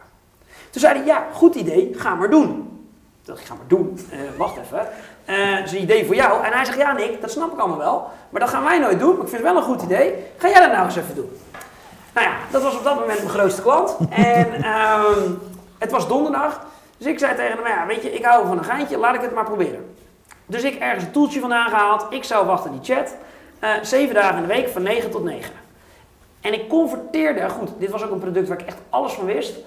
Um, converteerde 40% van alle chats die ik deed naar naam, e-mail, telefoonnummer. Want het was heel logisch. Ik zei dus, hi, mijn naam is Nick, kan ik je helpen? En jij begon anoniem. Dus jij stelde een vraag. Wie is de huurder? Ja, dat is Jumbo. Uh, en uh, heb je wel een vergunning? Ja, mevrouw, we hebben een vergunning. Kijkt u hier. En um, um, is mijn rendement gegarandeerd? Nee, uw rendement is niet gegarandeerd. En op dat moment zei ik, maar goed, mag ik u misschien een brochure toesturen? En iedereen zei, oh ja, is goed. Dus dat ging als een trein. En toen dacht ik bij mezelf, joh, ja, hartstikke leuk. Maar ja, na twee maanden begon mijn vriendin toch een beetje van... Hé uh, Nick, je loopt de hele dag met je laptop, hè? Uit eten naar de Albert Heijn, met je laptop onder je arm. Wat ga je daaraan doen? En ik zag dat het, het product werkte. Uh, ik denk, ja, ik ga ook niet heel mijn leven chatten. Dus hoe, ga ik dit regelen? Nou, wat doe je dan? Dan pak je Google. Dus ik googelde chat uitbesteden. Toen kreeg ik vier, vijf partijen, heb ik er vier uitgenodigd. En die kwamen met businessmodellen die ik niet begreep. Ze rekenen het of in callcenteruren, dus 32,50 per uur. Ik deed voor die klant 10 chats per dag. Van 9 tot 9, hè, verspreid over de dag. Dan had ik, uh, wat is het, 36, uh, 360 euro af moeten rekenen per dag. Niet te verkopen. Uh, maand opstartfee, jaarcontracten, ik weet het allemaal niet. Nou, ik kon het mezelf niet verkopen. En dus ik dacht bij mezelf, ja, weet je wat, dat ga ik niet doen. Ik verzin zelf wel een model. Nou, en zo ben ik begonnen. Er is alleen één nadeel. Ongeveer 2% van je websitebezoek gemiddeld gaat chatten. Dus je hebt fucking veel bezoek nodig om aan een business case te komen. En ik dacht bij mezelf, ik ga het net zo lang volhouden tot ik dat, over dat dode punt heen ben. En dat duurde anderhalf jaar. Dus ik heb anderhalf jaar, zeven dagen in de week, met mijn laptop onder mijn arm gelopen. Uh, uit eten met mijn vrienden, met mijn laptop, naar de Albert Heijn, met mijn laptop. Op zaterdagavond iets te veel gedronken, zondagochtend om 9 uur naast mijn bed met mijn laptop. Want ik, er moest iemand antwoord geven. En er was niemand anders. Dus ik was er en alle uren die ik niet heb gedraaid, heeft wel lied gedraaid. Want ja, ik moest ook wel eens af en toe even drie minuten ademhalen. En dat heb ik anderhalf jaar volgehouden. En toen hadden we op een gegeven moment zoveel klanten dat ik het niet meer hoefde te doen. Toen konden we teams maken en toen ging het versnellen. Dus ik heb ook heel weinig last van concurrentie. Want ik wens je echt heel veel succes. Wij zijn 108 uur per week open. En we gaan zo meteen naar 24 uur per dag. Dat is de volgende stap. Um, ik denk niet dat er iemand zo gek is om hetzelfde te doen als dat ik deed. Want ik werd letterlijk voor gek verklaard. Van joh, kijk hem nou met zijn laptop. Dat mijn vrienden tegen me zeiden van joh, wat ben je nou aan het doen? Stop nou eens met, het, met die onzin. En dat ik zei, wacht maar. Want ik dacht, dit gaat hem gewoon. Ik had het gevoel, ik denk, dit gaat hem worden. En ik hou net zo lang vol totdat het lukt. Heb je hem nou ook meegenomen naar het voetbalveld, je laptop? Ja, oh, voetbalveld. Je weet toch, als je naar de Albert Heijn gaat, dan heb je toch zo'n karretje waar je je kind in stopt. Nou, dan lag mijn laptop. Ja, weet je, ik, zonder, zonder grap. Kijk, het voordeel daarvan is, ik heb zelf 40.000 chats gedraaid. 40.000 chats. Dus er hoeft niemand mij iets te vertellen over een online conversatie. Want ik heb dat in bijna iedere sector die je maar kan verzinnen gedaan. Dus ik zit heel vaak inderdaad op een verjaardag en dan gaat het over een leaseauto en dan denk ik, maar jij zegt zelf niet waar. Ja, ik heb die klantenservice van die leaseauto gedaan. Dus ik weet hoe dat in elkaar zit. En dat geeft me nu zoveel voordeel dat ik heel makkelijk bij iemand zijn business case in kan kijken en denken, ja, nou, ik zou even dit doen of dat doen of zus doen. En zo zijn wij eigenlijk doorgegaan. Dus uh, dat was ook wel heel pittig. Ik bedoel, ehm, buiten het feit dat ik op zich het chatten wel leuk vind. Ik heb toevallig twee weken geleden hier nog een half dag achter de chat gezeten omdat ik dat weer even wilde doen. Ehm, ja, eh, het, het, het, het was gewoon net zo lang doorgaan. En wij deden, wij deden in het eerste jaar, ik bedoel, dat is helemaal geen geheim, je kan het eh, bij de KVK op, eh, opvragen, ik deed 72.000 euro omzet. Nou, daar word je niet gelukkig van. Nee, Weet niet met chatten, nee. Nee, niet, niet, Niet van 9 tot 9. Nee, niet met chatten. In je eentje. In mijn eentje. En waar liet dan? Ja, goed. En Walid en je software eraf en et cetera. Dus er bleef, geen, er bleef geen kloot over. Gewoon letterlijk niet. Maar goed, ik hoefde het, kijk, en dat was het hele punt. Ik hoefde het voor het geld niet te doen, want mijn vastgoed website liep gewoon prima. Ehm, alleen, ik vond het intrinsiek zo leuk dat ik dacht, ja, ik, weet je, ik wil dit en dit moet lukken en ik blijf net zo lang vasthouden totdat het lukt. Ehm, want ik hoefde het niet voor het geld te doen. En als de, maar als je intrinsieke gevoel daar niet goed zit, dan gaat het, ook nooit, dan gaat het nooit lukken. Ik bedoel, iedereen kan spierballen maken. Het is gewoon een kwestie van een gewicht optillen en goed eten. Nou, dat is dit exact hetzelfde. Als je weet dat je het kan doen, dan moet je er gewoon volle bak voor gaan. ehm, en niet half.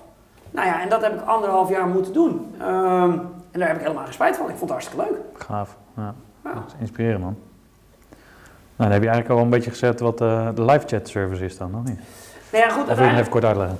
Kijk, als je het heel kort samenvat. ehm, ik werd laatst geïnterviewd door het AD. En die hadden eigenlijk de beste eh, titel voor het artikel. En de titel was Het digitale winkelmeisje. Iedereen denkt namelijk dat livechat gebruikt wordt als klantenservice. Dat kan ook. Dat kan ook. Maar eigenlijk ben ik dat grietje wat net achter de drempel staat als je binnenkomt in een schoenenwinkel en die zegt: hey, kan ik je helpen? Dus wij doen heel veel sales, heel veel lead generatie en het maakt geen bal uit of het B2B of B2C is. Het werkt overal. Het is gewoon een kwestie van he- het publiek aanspreken met: hey, wie ben je eigenlijk? Wat kom je doen? Ehm, en daar vergissen heel veel partijen zich in. En dan krijgen heel veel mensen van, ja, maar dan, ik denk dat ik de hele dag alleen maar domme vragen krijg. Ja, dat zou heel goed kunnen. Maar dat is super fijn. Want je bent namelijk met je klant in gesprek. Waar jij dus al tonnen euro's aan, hebt, aan traffic hebt uitgegeven. Waarbij de gemiddelde marketeer, dan zijn ze op de website, doen ze nog twee dingen. Gaan ze AB testen, gaan ze optimaliseren. En daarna doen ze dit. De armen over elkaar gaan ze zitten wachten tot het converteert. Als je erover nadenkt, is het gewoon te zot voor woorden. Waarom spreek je die mensen niet aan? Waarom vraag je niet gewoon: hey, wie ben je? Wat kom je doen? Hoe kan ik je helpen? Nou, en dat is wat wij dus de hele dag doen. Dus van mijn complete operatie denk ik dat wij, nou, wat zal het zijn? 70% eh, bezig zijn met sales gerelateerde onderwerpen. En dat kan zijn het uitzoeken van een vakantiereis naar Sri Lanka, tot een borstvergroting tot sportschoenen. Ehm, we doen er eentje, die doet Microsoft Dynamics implementatietrajecten voor banken en verzekeraars. Ik doe serieus 65 chats per kwartaal. Dat is dus helemaal niks. Maar converteer 17 leads van die 65. Waarom? Iemand komt op die website, die is een beetje aan het surfen. Die heeft 80.000 vragen. Ik kan nergens antwoord op geven trouwens. Waarom niet? Het zijn namelijk maatwerktrajecten. Dus het enige wat ik kan doen is inventariseren wie ben je, wat kom je doen. En dan heb ik dat chatgesprek en die zet ik door naar de klant en de klant moet bellen. En dat doen we met energiemaatschappijen en met, nou ja, eh, het, het, je kan het zo gek niet verzinnen. We hebben gisteren ehm, een bedrijf aangesloten wat eh, kantoorverhuur doet. Dus flexplekken. Fantastisch. Ja, dat soort, eh, dat, dat soort dingen. Kijk, en dat is ook het mooie van mijn werk. Ik heb geen branchebeperking. Nee. Dus ik mag de hele dag met ondernemers of met marketingmanagers kletsen over hun vakgebied. Dus ik had vorige week een heel erg eh, eh, leuk gesprek met iemand die deed, eh, wat deed hij nou? Gasdetectie in de industrie. Oké. Ik, ja, ik had geen idee. Nee. Maar ik weet nu hoe het in elkaar zit met certificeringen en dingen. Ik denk, nou, super cool. Ja. Weet je, dat, en dat maakt het leuk. Ja, dat je overal komt. Ja, Hey, en wat is dan eh, eh, het verschil met eh Nolar? Nolar is onze. kijk, wij bouwen. Kijk, we, onze hoofdmoot is wij leveren bemanning. En dat doen we dan die zeven dagen per week. Dus eigenlijk even voor de beeldvorming. Ik heb een webshop. Ja. Ik zeg, ik, Ik- maak gebruik van jullie, Mijn mensen. van jouw mensen. En die zitten dan achter... En die geven antwoord. Kijk, het grote probleem is, chat is fantastisch. Er is één heel groot nadeel. En dat is, chat is nu. Dus jij stelt een vraag en je verwacht binnen 30 seconden antwoord. Ja. En dat is voor de meeste partijen niet in te regelen. Nee. Ehm, buiten het feit dat een heel groot gedeelte van je bezoekers in de avonden en in de weekenden. Is er niemand aanwezig. Ehm, als jij niet binnen 30 seconden reageert, gaan mensen zetten: Hallo, hallo, bent u daar? Nou, dus, die, dus wij zetten teams weg. Hè, dus dat is even één. Nou, Die zitten niet hier, die zitten gewoon bij, bij de klant zelf. Nee, zitten hier. Oké. Zitten hier ehm, eh, en zit in Berlijn. Ehm, van, eh, even, dan heb je een beetje een idee. ehm, van de 80 man met wie we zijn, spreken er 50 geen Nederlands. Dus we doen vrij veel internationaal. Dat is voor ons makkelijker. Waarom? Nou, we doen een grote leasemaatschappij in Nederland. Eh, laten we zeggen dat dat een klant is van ongeveer 20.000 euro omzet. We hebben nu een offerte liggen bij dezelfde leasemaatschappij, maar dan in Spanje. En dat is een offerte van 170. Waarom? Het is hetzelfde website, hetzelfde product, maar ze hebben 3 miljoen bezoekers. Nou, Nou, dus voor ons is het buitenland makkelijker. Ehm, terug te komen op je vraag. Ehm, het softwarebedrijf wat ik had gekocht heet CoBrowser. mhm. Eh CoBrowser was gespecialiseerd in alle lastige partijen in Nederland. En lastig bedoel ik met name met wetgeving. Dus iemand met een compliance officer. Eh, wie doen we daar? We doen onder andere het ministerie van Buitenlandse Zaken. We doen het IND, het kadaster, eh, eh, Samsung, nou, dat, dat soort clubs. Het nadeel daarvan is, is dat de oplossing die we hadden niet geschikt is voor het MKB. Dus wat hebben we gedaan? We hebben de motor uit de corporate oplossing getrokken en die hebben we omgebouwd naar een oplossing voor het MKB. En ehm, waar mensen dus gewoon een inlog zelf kunnen doen om zelf te chatten. Dus een echte SaaS-oplossing. En dan zal je altijd zien, de eerste klant die aansluit op dat MKB-pakket is Sunweb. Nou, die had ook in mijn corporate oplossing gekund. Maar goed, dat maakt voor de rest maakt dat niet uit. Ehm, ehm, en daar zetten we dus gewoon stoeltjes weg. En wat we nu aan het doen zijn, is we zijn ons chatplatform aan het ombouwen naar een eh, messaging platform. Dus we zijn WhatsApp for Business aan het inbouwen, WeChat, eh, Telegram, e-mail, eh, VoIP. Eh, zodat je straks eigenlijk alles vanuit één dashboard kan gaan beheren. Eh, maar dan wel ehm, vol, voldaan aan alle AVG-wetgeving, alle, we doen nu op dit moment een ISO-certificering, nou ja, dat soort dingen. Ehm, ja, dat vinden we heel, eh, heel belangrijk. Ehm, dus het wordt een, een soort multi-messaging platform.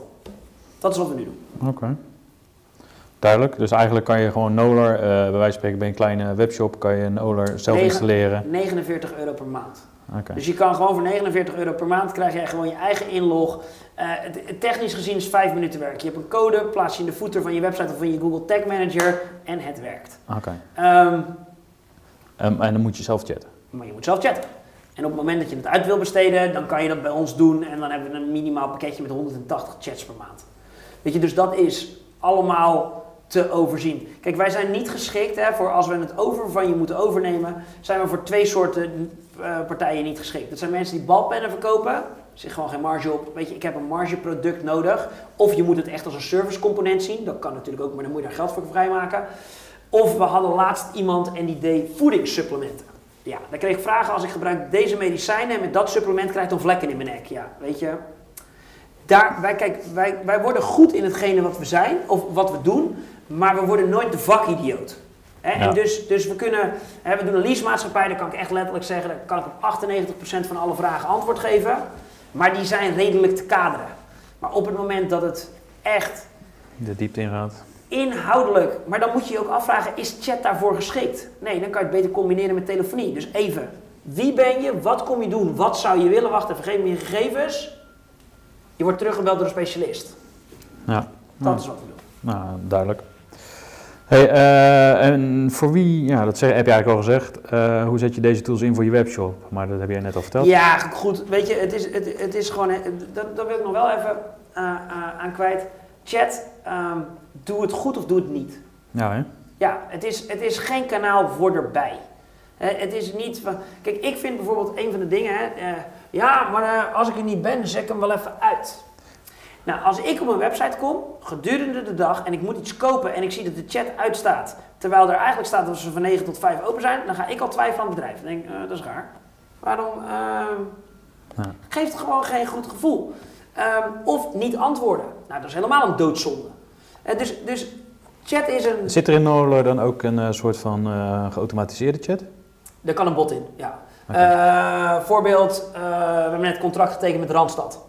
Die- die- eh, maar eh, eh, die bot is van jullie zelf of eh, gebruik je dan weer zo'n bot als ManyChat of zo? Of? Kan, kan. Ehm, we hebben stukjes geautomatiseerd, maar wij zijn geen botbouwers. Dus we, we doen vaak koppelen. Nou, Randstad doen we bijvoorbeeld, of Robeco. Ehm, en daar hebben we gekoppeld met CX. CX Company. Maar het, het zouden in theorie ook andere kunnen zijn. Wij hebben gewoon in Noder een chatbot API waar je alles op kan koppelen wat je wil. Ehm, alleen ik vind, kijk, en dan ga je weer even terug naar de customer experience. Ehm, als jij iemand chat aanbiedt en je maakt er daarna een. Dus je, je spreekt hem proactief aan, hè? Even, je spreekt hem proactief aan. Ja, mijn naam is Nick, bla bla. Dus jij zegt wat en op dat moment, ja, ja, ik ben er eigenlijk niet, hier heb je een bot. Ja, sorry joh, weet je, doe het dan gewoon niet. Ja. Dat is gewoon, dat is in mijn optiek niet wat je moet doen. Een ander ding wat je niet moet doen, is, je komt heel vaak op een website en dan hebben ze een chat en dan moet je eerst naam, e-mail en telefoonnummer achterlaten voordat je een vraag mag stellen. Nou, ik weet niet wie dat verzonnen heeft, maar ik hoef me hier toch ook in een winkel niet voor te stellen met hi, ik ben Nick, ik wil graag wat weten over die schoenen. Ja, misschien als er een hele leuke man of vrouw staat dat je denkt, nou, maar, dat sla- maar het slaat nergens op. Kijk, en ik snap de gedachte er wel achter, van ja, maar dan kan ik meteen de klantenkaart erbij pakken. Maar in een gemiddelde webshop is 90% helemaal geen klant. En als die klant een vraag heeft, kan ik altijd die klantenkaart erbij pakken. Dat is helemaal geen issue. Dus je laat een gigantisch gedeelte van de mensen denken, ja, maar dat ga ik niet invullen. Die laat je dus liggen, omdat je het gewoon niet goed hebt ingesteld. Of, nou, laatste tip. ehm, klantenservice. Ja joh, weet je, ik eh, chat niet met de klantenservice. Hè? Ik chat met Tessa of met Henk of met Wim, maar niet met de klantenservice. Nou, ook zo'n ding. Maak dat ding persoonlijk. Wat is geen moeite. Kan in bijna ieder programma, maar dan zie je nog steeds klantenservice. Of de tekst, ehm, gemiddelde wachttijd 5 minuten. Ja, dan kun je net zo goed geen chat aanbieden. Ja, nou, dat, dat, dat, er is, chat heeft heel veel voordelen, maar ook heel veel nadelen. En het komt in details. We doen een keukenzaak. En als ik daar zeg, mag ik je telefoonnummer? Krijg ik hem nooit. Maar als ik zeg, mag ik je telefoonnummer noteren? Mocht onze calculatieafdeling aanvullende vragen hebben? Krijg ik hem 100%. Dat is één zin. Nou, dat soort, daarom zeg ik ook van, stop niet je stagiair achter de chat. Heb je je hele funnel heb je helemaal uitgewerkt, gedaan, et cetera. En op het laatste stukje zin je stagiair. Nou, doe dat niet. Ja, duidelijk. Slimmer. Eh, heb jij die, eh, want je hebt het zelf natuurlijk heb je daar eh, ook mee getest met die AB, dus verschillende vragen te stellen? Test ons helemaal suf. Huh? Ja? Test ons helemaal... Weet je, even heel simpel. Kijk, hoe, het, heel veel chat draaien is helemaal geen... Dat is helemaal niet ingewikkeld. Je zet hem op de homepage en gaat als een, als, een, als een tierenlier. Maar je krijgt dus heel veel chats die niet converteren en waar je dus niks mee kan. Ehm, nou, zal ik je één voorbeeld geven? Eh, wij doen Profile Tire Setter. En Profile heeft twee gigantische piekmomenten. Zomerbandenwissel, winterbandenwissel. Vrij, vrij logisch. Eh, we leveren trouwens de software bij QuickFit. Hè, dus ze niet eh, denken van, oh. Maar goed, Profile, even als, eh, als voorbeeld. Wij hebben daar, we zijn er begonnen op de homepage. En wij zijn steeds meer gaan uitzetten.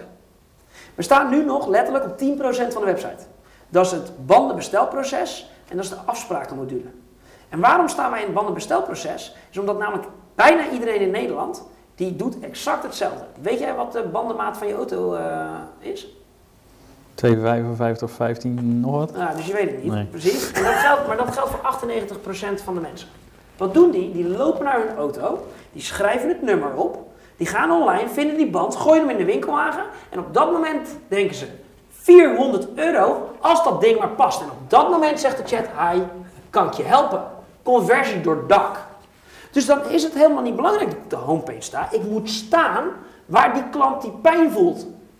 400 euro. Ja, maar ik weet niet of het past, ik weet niet of het goed gaat. En dat. Bam. We doen een, eh, een partij die doet gehoorapparaten. Op het juiste moment gewoon even je laten zien. Nou ja, weet je, ik moet daar leads genereren. Maar Gehoorapparaten, daar is chat trouwens ook wel heel erg handig voor, want die mensen kunnen niet bellen. Maar dat even, die was flauw, maar goed. Nee, prima. maar wel logisch. Ehm, we moeten daar leads genereren.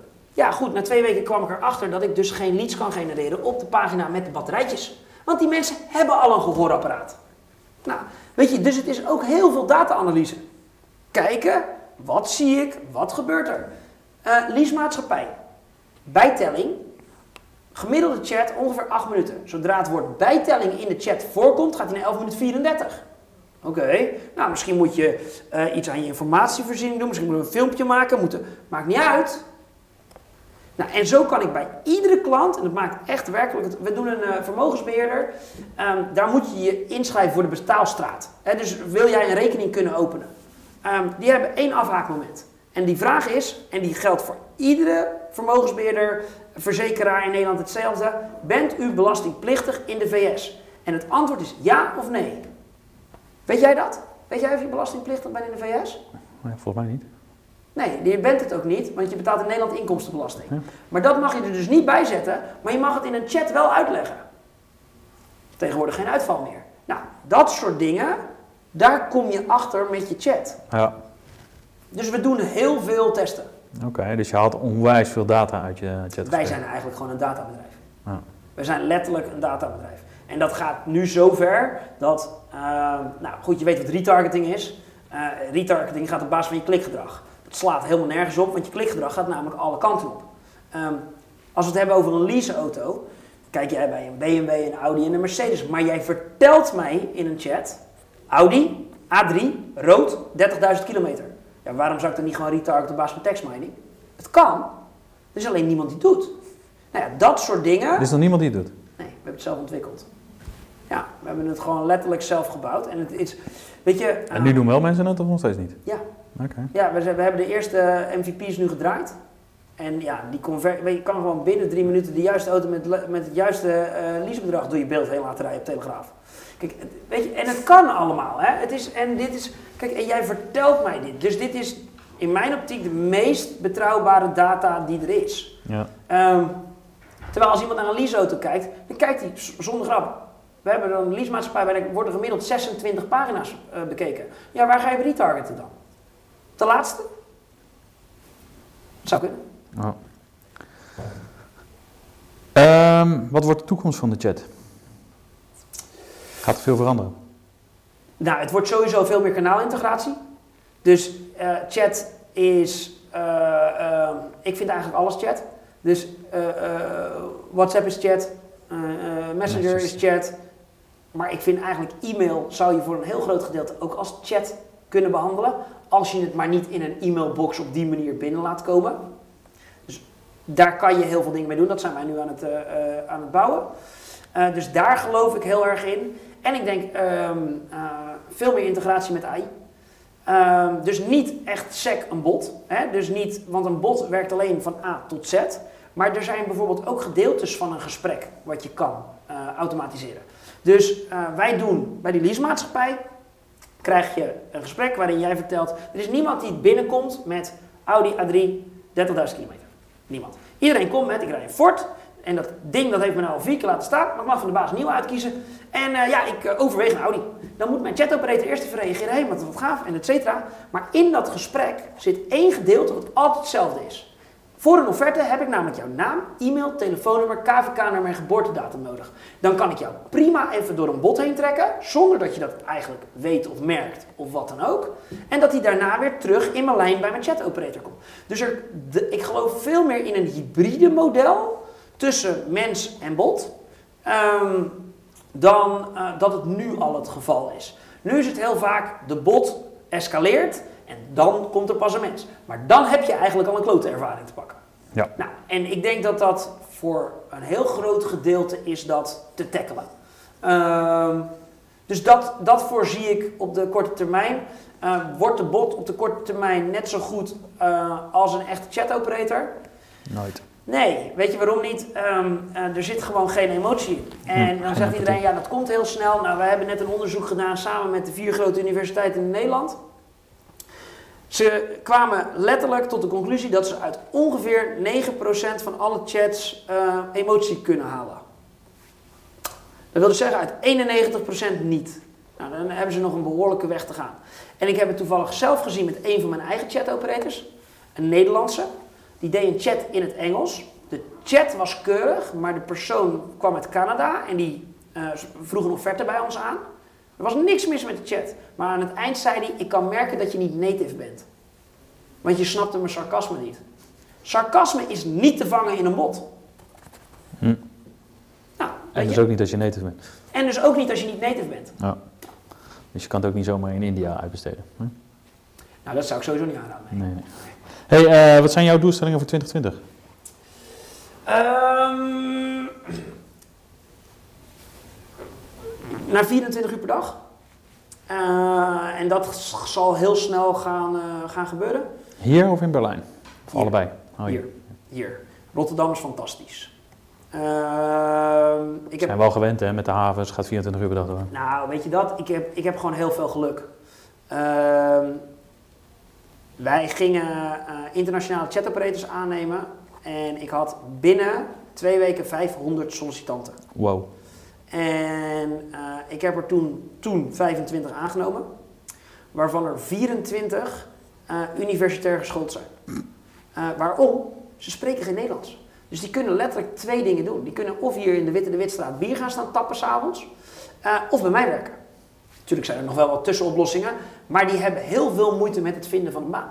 Dus ik heb hier mensen zitten die hebben logistiek gestudeerd. Ik heb er eentje die komt uit Kirgizië, ligt naast Kazachstan. En die heeft serieus iets van eh, eh, human rights, weet ik veel, gestudeerd. Echt een hele ingewikkelde studie en die doet hier nu zijn master. Ehm, weet je, dus ja, ik heb hele erg slimme mensen zitten. Ehm, dus we gaan dat hier doen. Dus we gaan er 24 uur per dag. Ehm, Slim wil niet altijd zeggen commercieel. Maar... Nee, maar kijk, dat, dat klopt. Dat klopt. Maar het is wel zo dat die mensen het makkelijker aan te leren zijn. Hè, en tuurlijk eh, heb je er mensen bij, dat, dat wordt hem nooit. Ehm, Jij kijkt ook liever naar buiten. ik keek sowieso naar buiten, ja. ja nee, eh, maar goed, ik was wel weer commercieel aangelegd. Ja, precies. Nee, dat, dat, was, dat was dan wel het verschil. Ehm, nee, maar kijk, Als je dan moet kiezen tussen zo'n universitair eh, die hier zo met een opleiding of zo'n schoffie van straat. Het maakt me niks uit. Nee? Kijk naar de persoon. Ja? Kijk, kijk 100% naar de persoon. Het maakt me eigenlijk uiteindelijk ook niet uit waar die vandaan komt.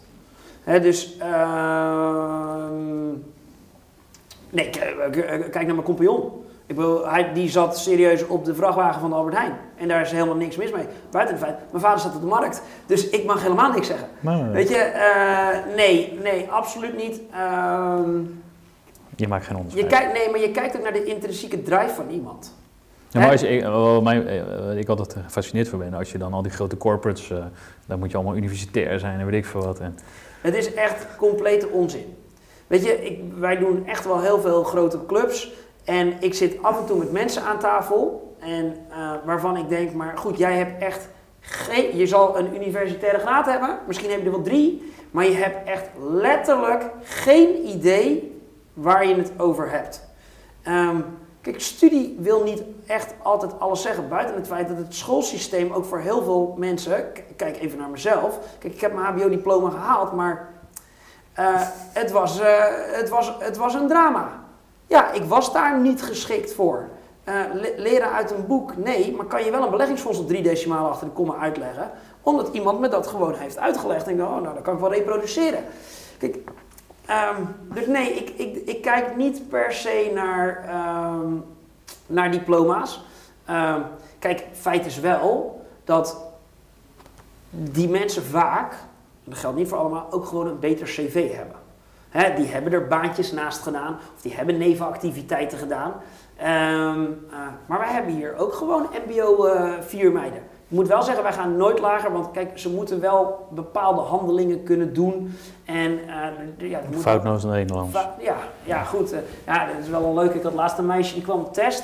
En nou, ja, die konden we na een half uur naar huis sturen. En dat was heel vervelend. Maar die had even niet verteld dat ze dys- dyslectisch was. Die kwam voor chat operator. Ja, dat, dat gebeurt ook. Hey, hoe ziet jouw organisatie er over vijf jaar uit? Geen idee. Geen idee. Nee, geen idee. Ehm, ik krijg die, die vraag ook heel vaak. Ik ben helemaal niet bezig met de toekomst. Ik ben heel erg bezig met nu en de komende paar maanden. En dat is eigenlijk, zo heb ik altijd eh, ondernomen. Ik ben niet, Heb je dan nog een droom? Mm, waar ik nu gewoon voor mezelf mee bezig ben, is ik ben mezelf volledig vervangbaar aan het maken. Eh, dat heb ik voor een gedeelte al gedaan met Mark. Ehm, eh, ik vind dat ik nu nog te veel ook in, de, in het sales slash strategieproces moet zitten. En het is niet dat ik minder wil gaan werken, helemaal niet, want ik vind het hartstikke leuk. Alleen, ehm, dat is wel het ultieme als dat zou lukken. Eh, en ik heb mezelf tot doel gesteld nu nog eh, een maand of zes. Dus we hebben nieuwe jongens op sales aangenomen, ook internationaal. We hebben een partner-directeur aangetrokken. Eh, dat. Want dan kan ik me bijvoorbeeld ook weer wat meer gaan richten op de productontwikkeling en, en dat soort dingen. Ehm, dus dat is voor mij het, het, eh, het, het eerste waar ik nu mee bezig ben. Dus dan heb je eigenlijk mijn volgende vraag beantwoord. Wat doet Nick Blom over vijf jaar? Dan heb je jezelf helemaal Nou vrijgespeeld. ja, weet je, eh, weet- gewoon lekker ondernemen. En ik, ik denk dat ik mezelf gewoon zie als serieondernemer. Hè, ik wil niet één ding doen. Ik wil graag eh kettingjes aan elkaar rijgen of puzzeltjes maken. En dat vind ik heel erg leuk om te doen.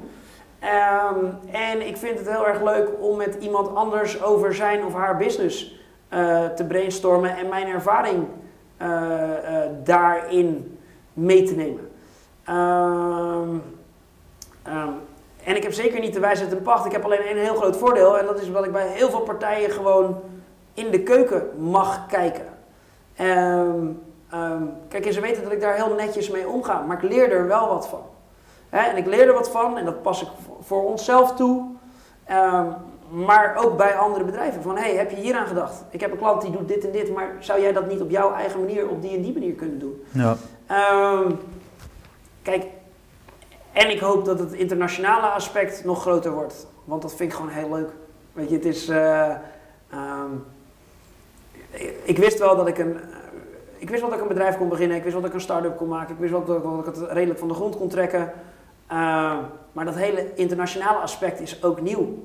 Weet je, ik heb 21 nationaliteiten hier werken. En die moet je wel even tot één team in elkaar eh, schroeven. Waarvan ik er ook nog eens even 6, 27, 6, 27 op afstand heb zitten. Die ik bijna niet tot nauwelijks zie. Daar, waar je op moet vertrouwen dat het allemaal goed gaat. En, weet je, en dat, is, dat, dat vind ik heel gaaf. En dat is, eh, dat is waar ik de komende jaren weer verder in hoop te ontwikkelen. Ehm, maar wat ik over vijf jaar nou precies ga doen, of aan het doen ben, ehm, geen idee. Kijk, ehm, uiteraard wil ik de tent ooit een keer verkopen. Ja? Gewoon om dat ook een keer gedaan te hebben. Ik heb een aantal bedrijven gekocht en ik heb kleinschalig wat dingetjes verkocht. Hè, wat deelnemertjes, dat soort dingen. Maar goed, dat mocht niet de, de naam hebben. Ehm, maar dat is niet om het geld. Nee, want dan kan ik morgen gewoon verkopen in een callcenter. Maar dat is niet, weet je, ik wil, ik wil alleen maar ehm, verkopen. Eh, nou, ik had het toevallig laatst met iemand, er was een partij, er is een partij geïnteresseerd. En eh, die zei van, joh, kan, je, kan ik het van je kopen? Toen zei ik, nee, het is niet te koop. Toen zei hij, nou, alles is te koop. Toen dacht ik, ja, dat is wel waar. Eh, ehm, Ja, als hij met een zak geld komt, is hij nee, weg? maar dat was dus niet, dat, dus niet, het ging niet om de zak geld. Oh. Ehm, ik zei tegen hem, weet je wat het is? Ik ben de honkbal, maar jij bent, in, jij bent in staat om hem het stadion uit te slaan. In één keer 150 landen. Kijk, en dan moet je kijken van, wat is dan mijn ambitie? Wil ik gewoon dit lekker doen en dit na twee keer of na drie keer trekken? Of wil ik het misschien wel in één keer inderdaad home run een stadion uitslaan, maar dan wel mee en mee ontwikkelen en et cetera. Nou, daar moet ik over nadenken, weet ik niet. Weet je, en dat is leuk, maar het is leuk dat je erover na mag denken en over na kan denken. En. Ja. ehm, ik heb nog geen idee. Maar voor het geld zou ik nooit verkopen. Nee. Nooit. Weet je, want En maar als je nou zeg maar, eh, eh, want, want ik vind het wel heel interessant, want jij zegt eh, je wil geen extern geld aanhalen, maar als je dat nou wel doet en dan, dan wel die... ja, maar dan nog krijg je dat niet voor elkaar. Kijk, ik kan en prima, waarom kan hij dat dan wel? omdat zij in de, in de schaal echt gro- groot, groot zijn. Vergelijk het een beetje met. ehm, Ik denk dat je het verhaal kent van de vegetarische slager. Nou, de vegetarische slager die deed in Nederland heel goed en die heeft zijn hut aan Unilever verkocht, of voor het grootste gedeelte verkocht. Waarom? Unilever trekt in één keer wereldwijd. Ehm, bij, dat zou bij ons ook kunnen zijn. Weet je, wij kunnen prima, eh, wij kunnen nog prima keer vijf, keer zes. Dat is het hele ding niet. Ehm, maar dit zijn clubs van een andere orde. Weet je, dit, dit, zijn, echt, dit zijn clubs à la Unilever, alleen dan in ons segment. Dus die hebben gewoon, die, die pluggen jou als een soort puzzelstukje in. Jij wordt een bepaald belangrijk gedeelte van hetgene wat zij doen. En zij rollen dat in één keer over hun één bestaande klantenbase uit. Die al debiel is. En dan hebben ze er ook nog eens een Salesforce achter om dan nog even dat te doen. En ehm, ehm, dat ga je ook met 10 miljoen niet kopen. Hè, Ja. Dus, Ja, ja, dus, dus ehm, of met 20 of met 30. Je, daar zijn dit soort clubs te groot voor. Alleen het is een keus. En ehm, ik, wat ik zei, ik zou niet verkopen ehm, voor alleen het geld. Hadden vorig jaar hadden we een, eh, een, een, een, een Belgisch callcenter wat wilde kopen. En ehm, die kwam, nou, dat was serieus veel geld. En ik heb er letterlijk vijf minuten over nagedacht. Die gingen iets met mijn kindje doen, want het is mijn kindje, waarvan ik dacht, maar dit vind ik gewoon niet oké. Dit vind ik gewoon niet oké. En dan kan ik straks iedere ochtend zo naar mijn bankrekening kijken, maar daar word ik niet gelukkig van. Ik word heel gelukkig van wat ik de hele dag mag doen. Eh, maar ik ben me ook heel goed bewust dat het heel goed kan zijn dat ik over vijf jaar terugdenk en dat ik denk, kut. Had ik maar wel gecashed. Ja. Maar goed, dat is het risico van het vak. Eh, dan moet je ook geen ondernemer worden. En nou ja, ik, ik denk dat eh, tegen die Ik geloof dat Yahoo heeft er ook een keer zo'n foutje gemaakt. Ja, gruwelijk. Eh, van om, eh, ze konden Google kopen voor 8 ton of zo. Ja, maar goed, weet je, ja... nou ja. Eh, je, kan, je, kan, weet je, je kan die risico's niet inschatten. En ik denk ehm, dat ik altijd wel iets kan Had Google dan Google geweest? Waarschijnlijk niet. Nee. Waarschijnlijk niet. Maar ik denk dat ik altijd wel iets kan verzinnen waar ik, eh, ehm, waar ik wel weer wat anders mee zou kunnen doen. Maar goed, ja, kijk, een spannende tijd is het wel. Leuk man. Hey, eh, we zijn een beetje aan het eind Ja. gekomen van het gesprek. Dan heb ik nog een vast vragenrondje. Nou goed. Dus, eh, dus jullie kunnen nog eh, gebruik maken van het boek. Hè? Een hele stapel. Een hele Kijk eens stapel. Kijk eens aan. Dus die kun je nog bemachtigen als je een, een opmerking plaatst Ja. op, op onze website Ja, of onder het bericht. Als mensen je willen bereiken, naar aanleiding van dit gesprek nog vragen hebben, hoe kunnen ze dat het beste doen? Ehm, nou, ik ben sowieso heel actief op LinkedIn. Eh, nou ja, goed, mijn naam is Nick Blom, dus daar ben ik makkelijk te vinden. Ehm, ehm, ja, en anders via e-mail en dat is gewoon nick, N-I-C-K, at livechatservice.nl. Oké, en dan even chatten. Zeker. Oké. Je hebt hem denk ik al beantwoord, maar ik vraag hem aan iedereen. Hoeveel is genoeg? Om te verkopen. Hoeveel is genoeg? Genoeg is. Ik heb genoeg. Hm? Ik heb genoeg. Ja, ik kan nu alles doen wat ik wil. Ehm,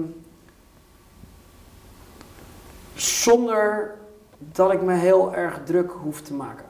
En wat ik daarmee bedoel is. ehm, ik denk dat je helemaal niet zo heel veel geld nodig hebt om een heel erg leuk leven te kunnen, kunnen leiden.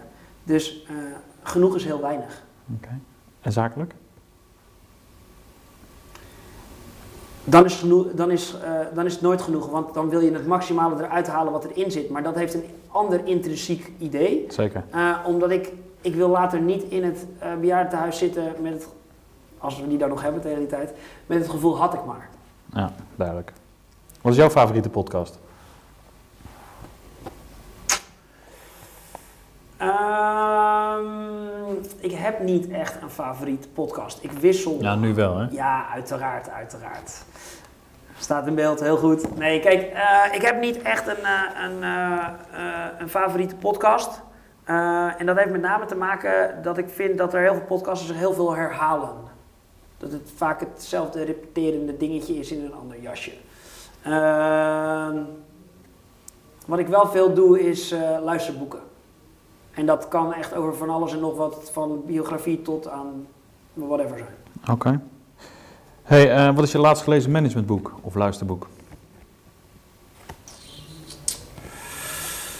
De... Waar is mijn telefoon? Ligt niet in de buurt. Ehm, ik moet je de titel even... Eh, dat is die van Cialdini. Cialdini, ja. ja. Ik weet de titel van het boek even niet, maar... Ehm, ja, die is heel goed. De marketing ja, was, was leuk. Ja. Maar dat is denk ik ook, eh, dat is even een boek, eh, de must-read boek voor elke ondernemer. Ja. ja. Dat is ook die, of niet? Nou goed, weet je, ik heb er sowieso wel een heleboel gedaan. Ik ben nooit zo goed van de titels.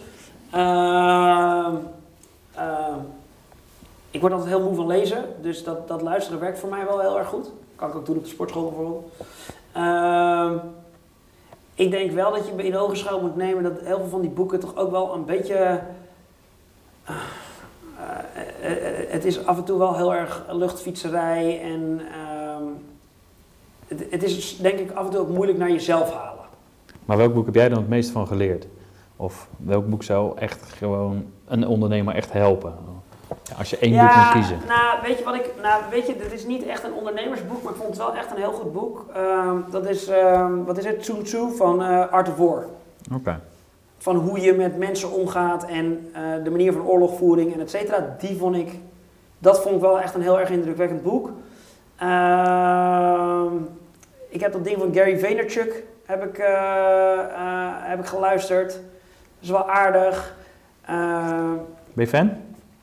Nou, nee, nee, maar wat hij doet is wel heel knap. Ja. Ik vind de manier waarop eh, niet, eh, het is niet mijn stijl, maar ik vind het wel, eh, ik vind het wel knap wat hij doet. Ja. Alleen ook daar zit een gigantische burn rate in, zijn, in, in de mensen die naar hem luisteren. Want als je hem vier keer hebt gehoord, denk je, jezus, hij weer. vertelt, weer, hij vertelt weer hetzelfde. Ja. Ehm, maar ik heb, niet zo, ik heb überhaupt niet zo heel snel dat ik denk, nou, ik ben echt fan, fan van iemand. Nee. Hoe lang bestaat Facebook nog? Oh, eh, Facebook of de Facebookgroep? Eh, Facebook. Oh nee, dat gaat nog wel even duren hoor. De Facebookgroep denk ik wel heel lang, maar Ik, ben niet, nou ja, ik ben niet zo heel erg negatief over Facebook. Ja, het, het, het, het verschuift. Maar eh, ik denk dat daar nog genoeg, nog genoeg in zit om, om nog wel een heel aantal jaren.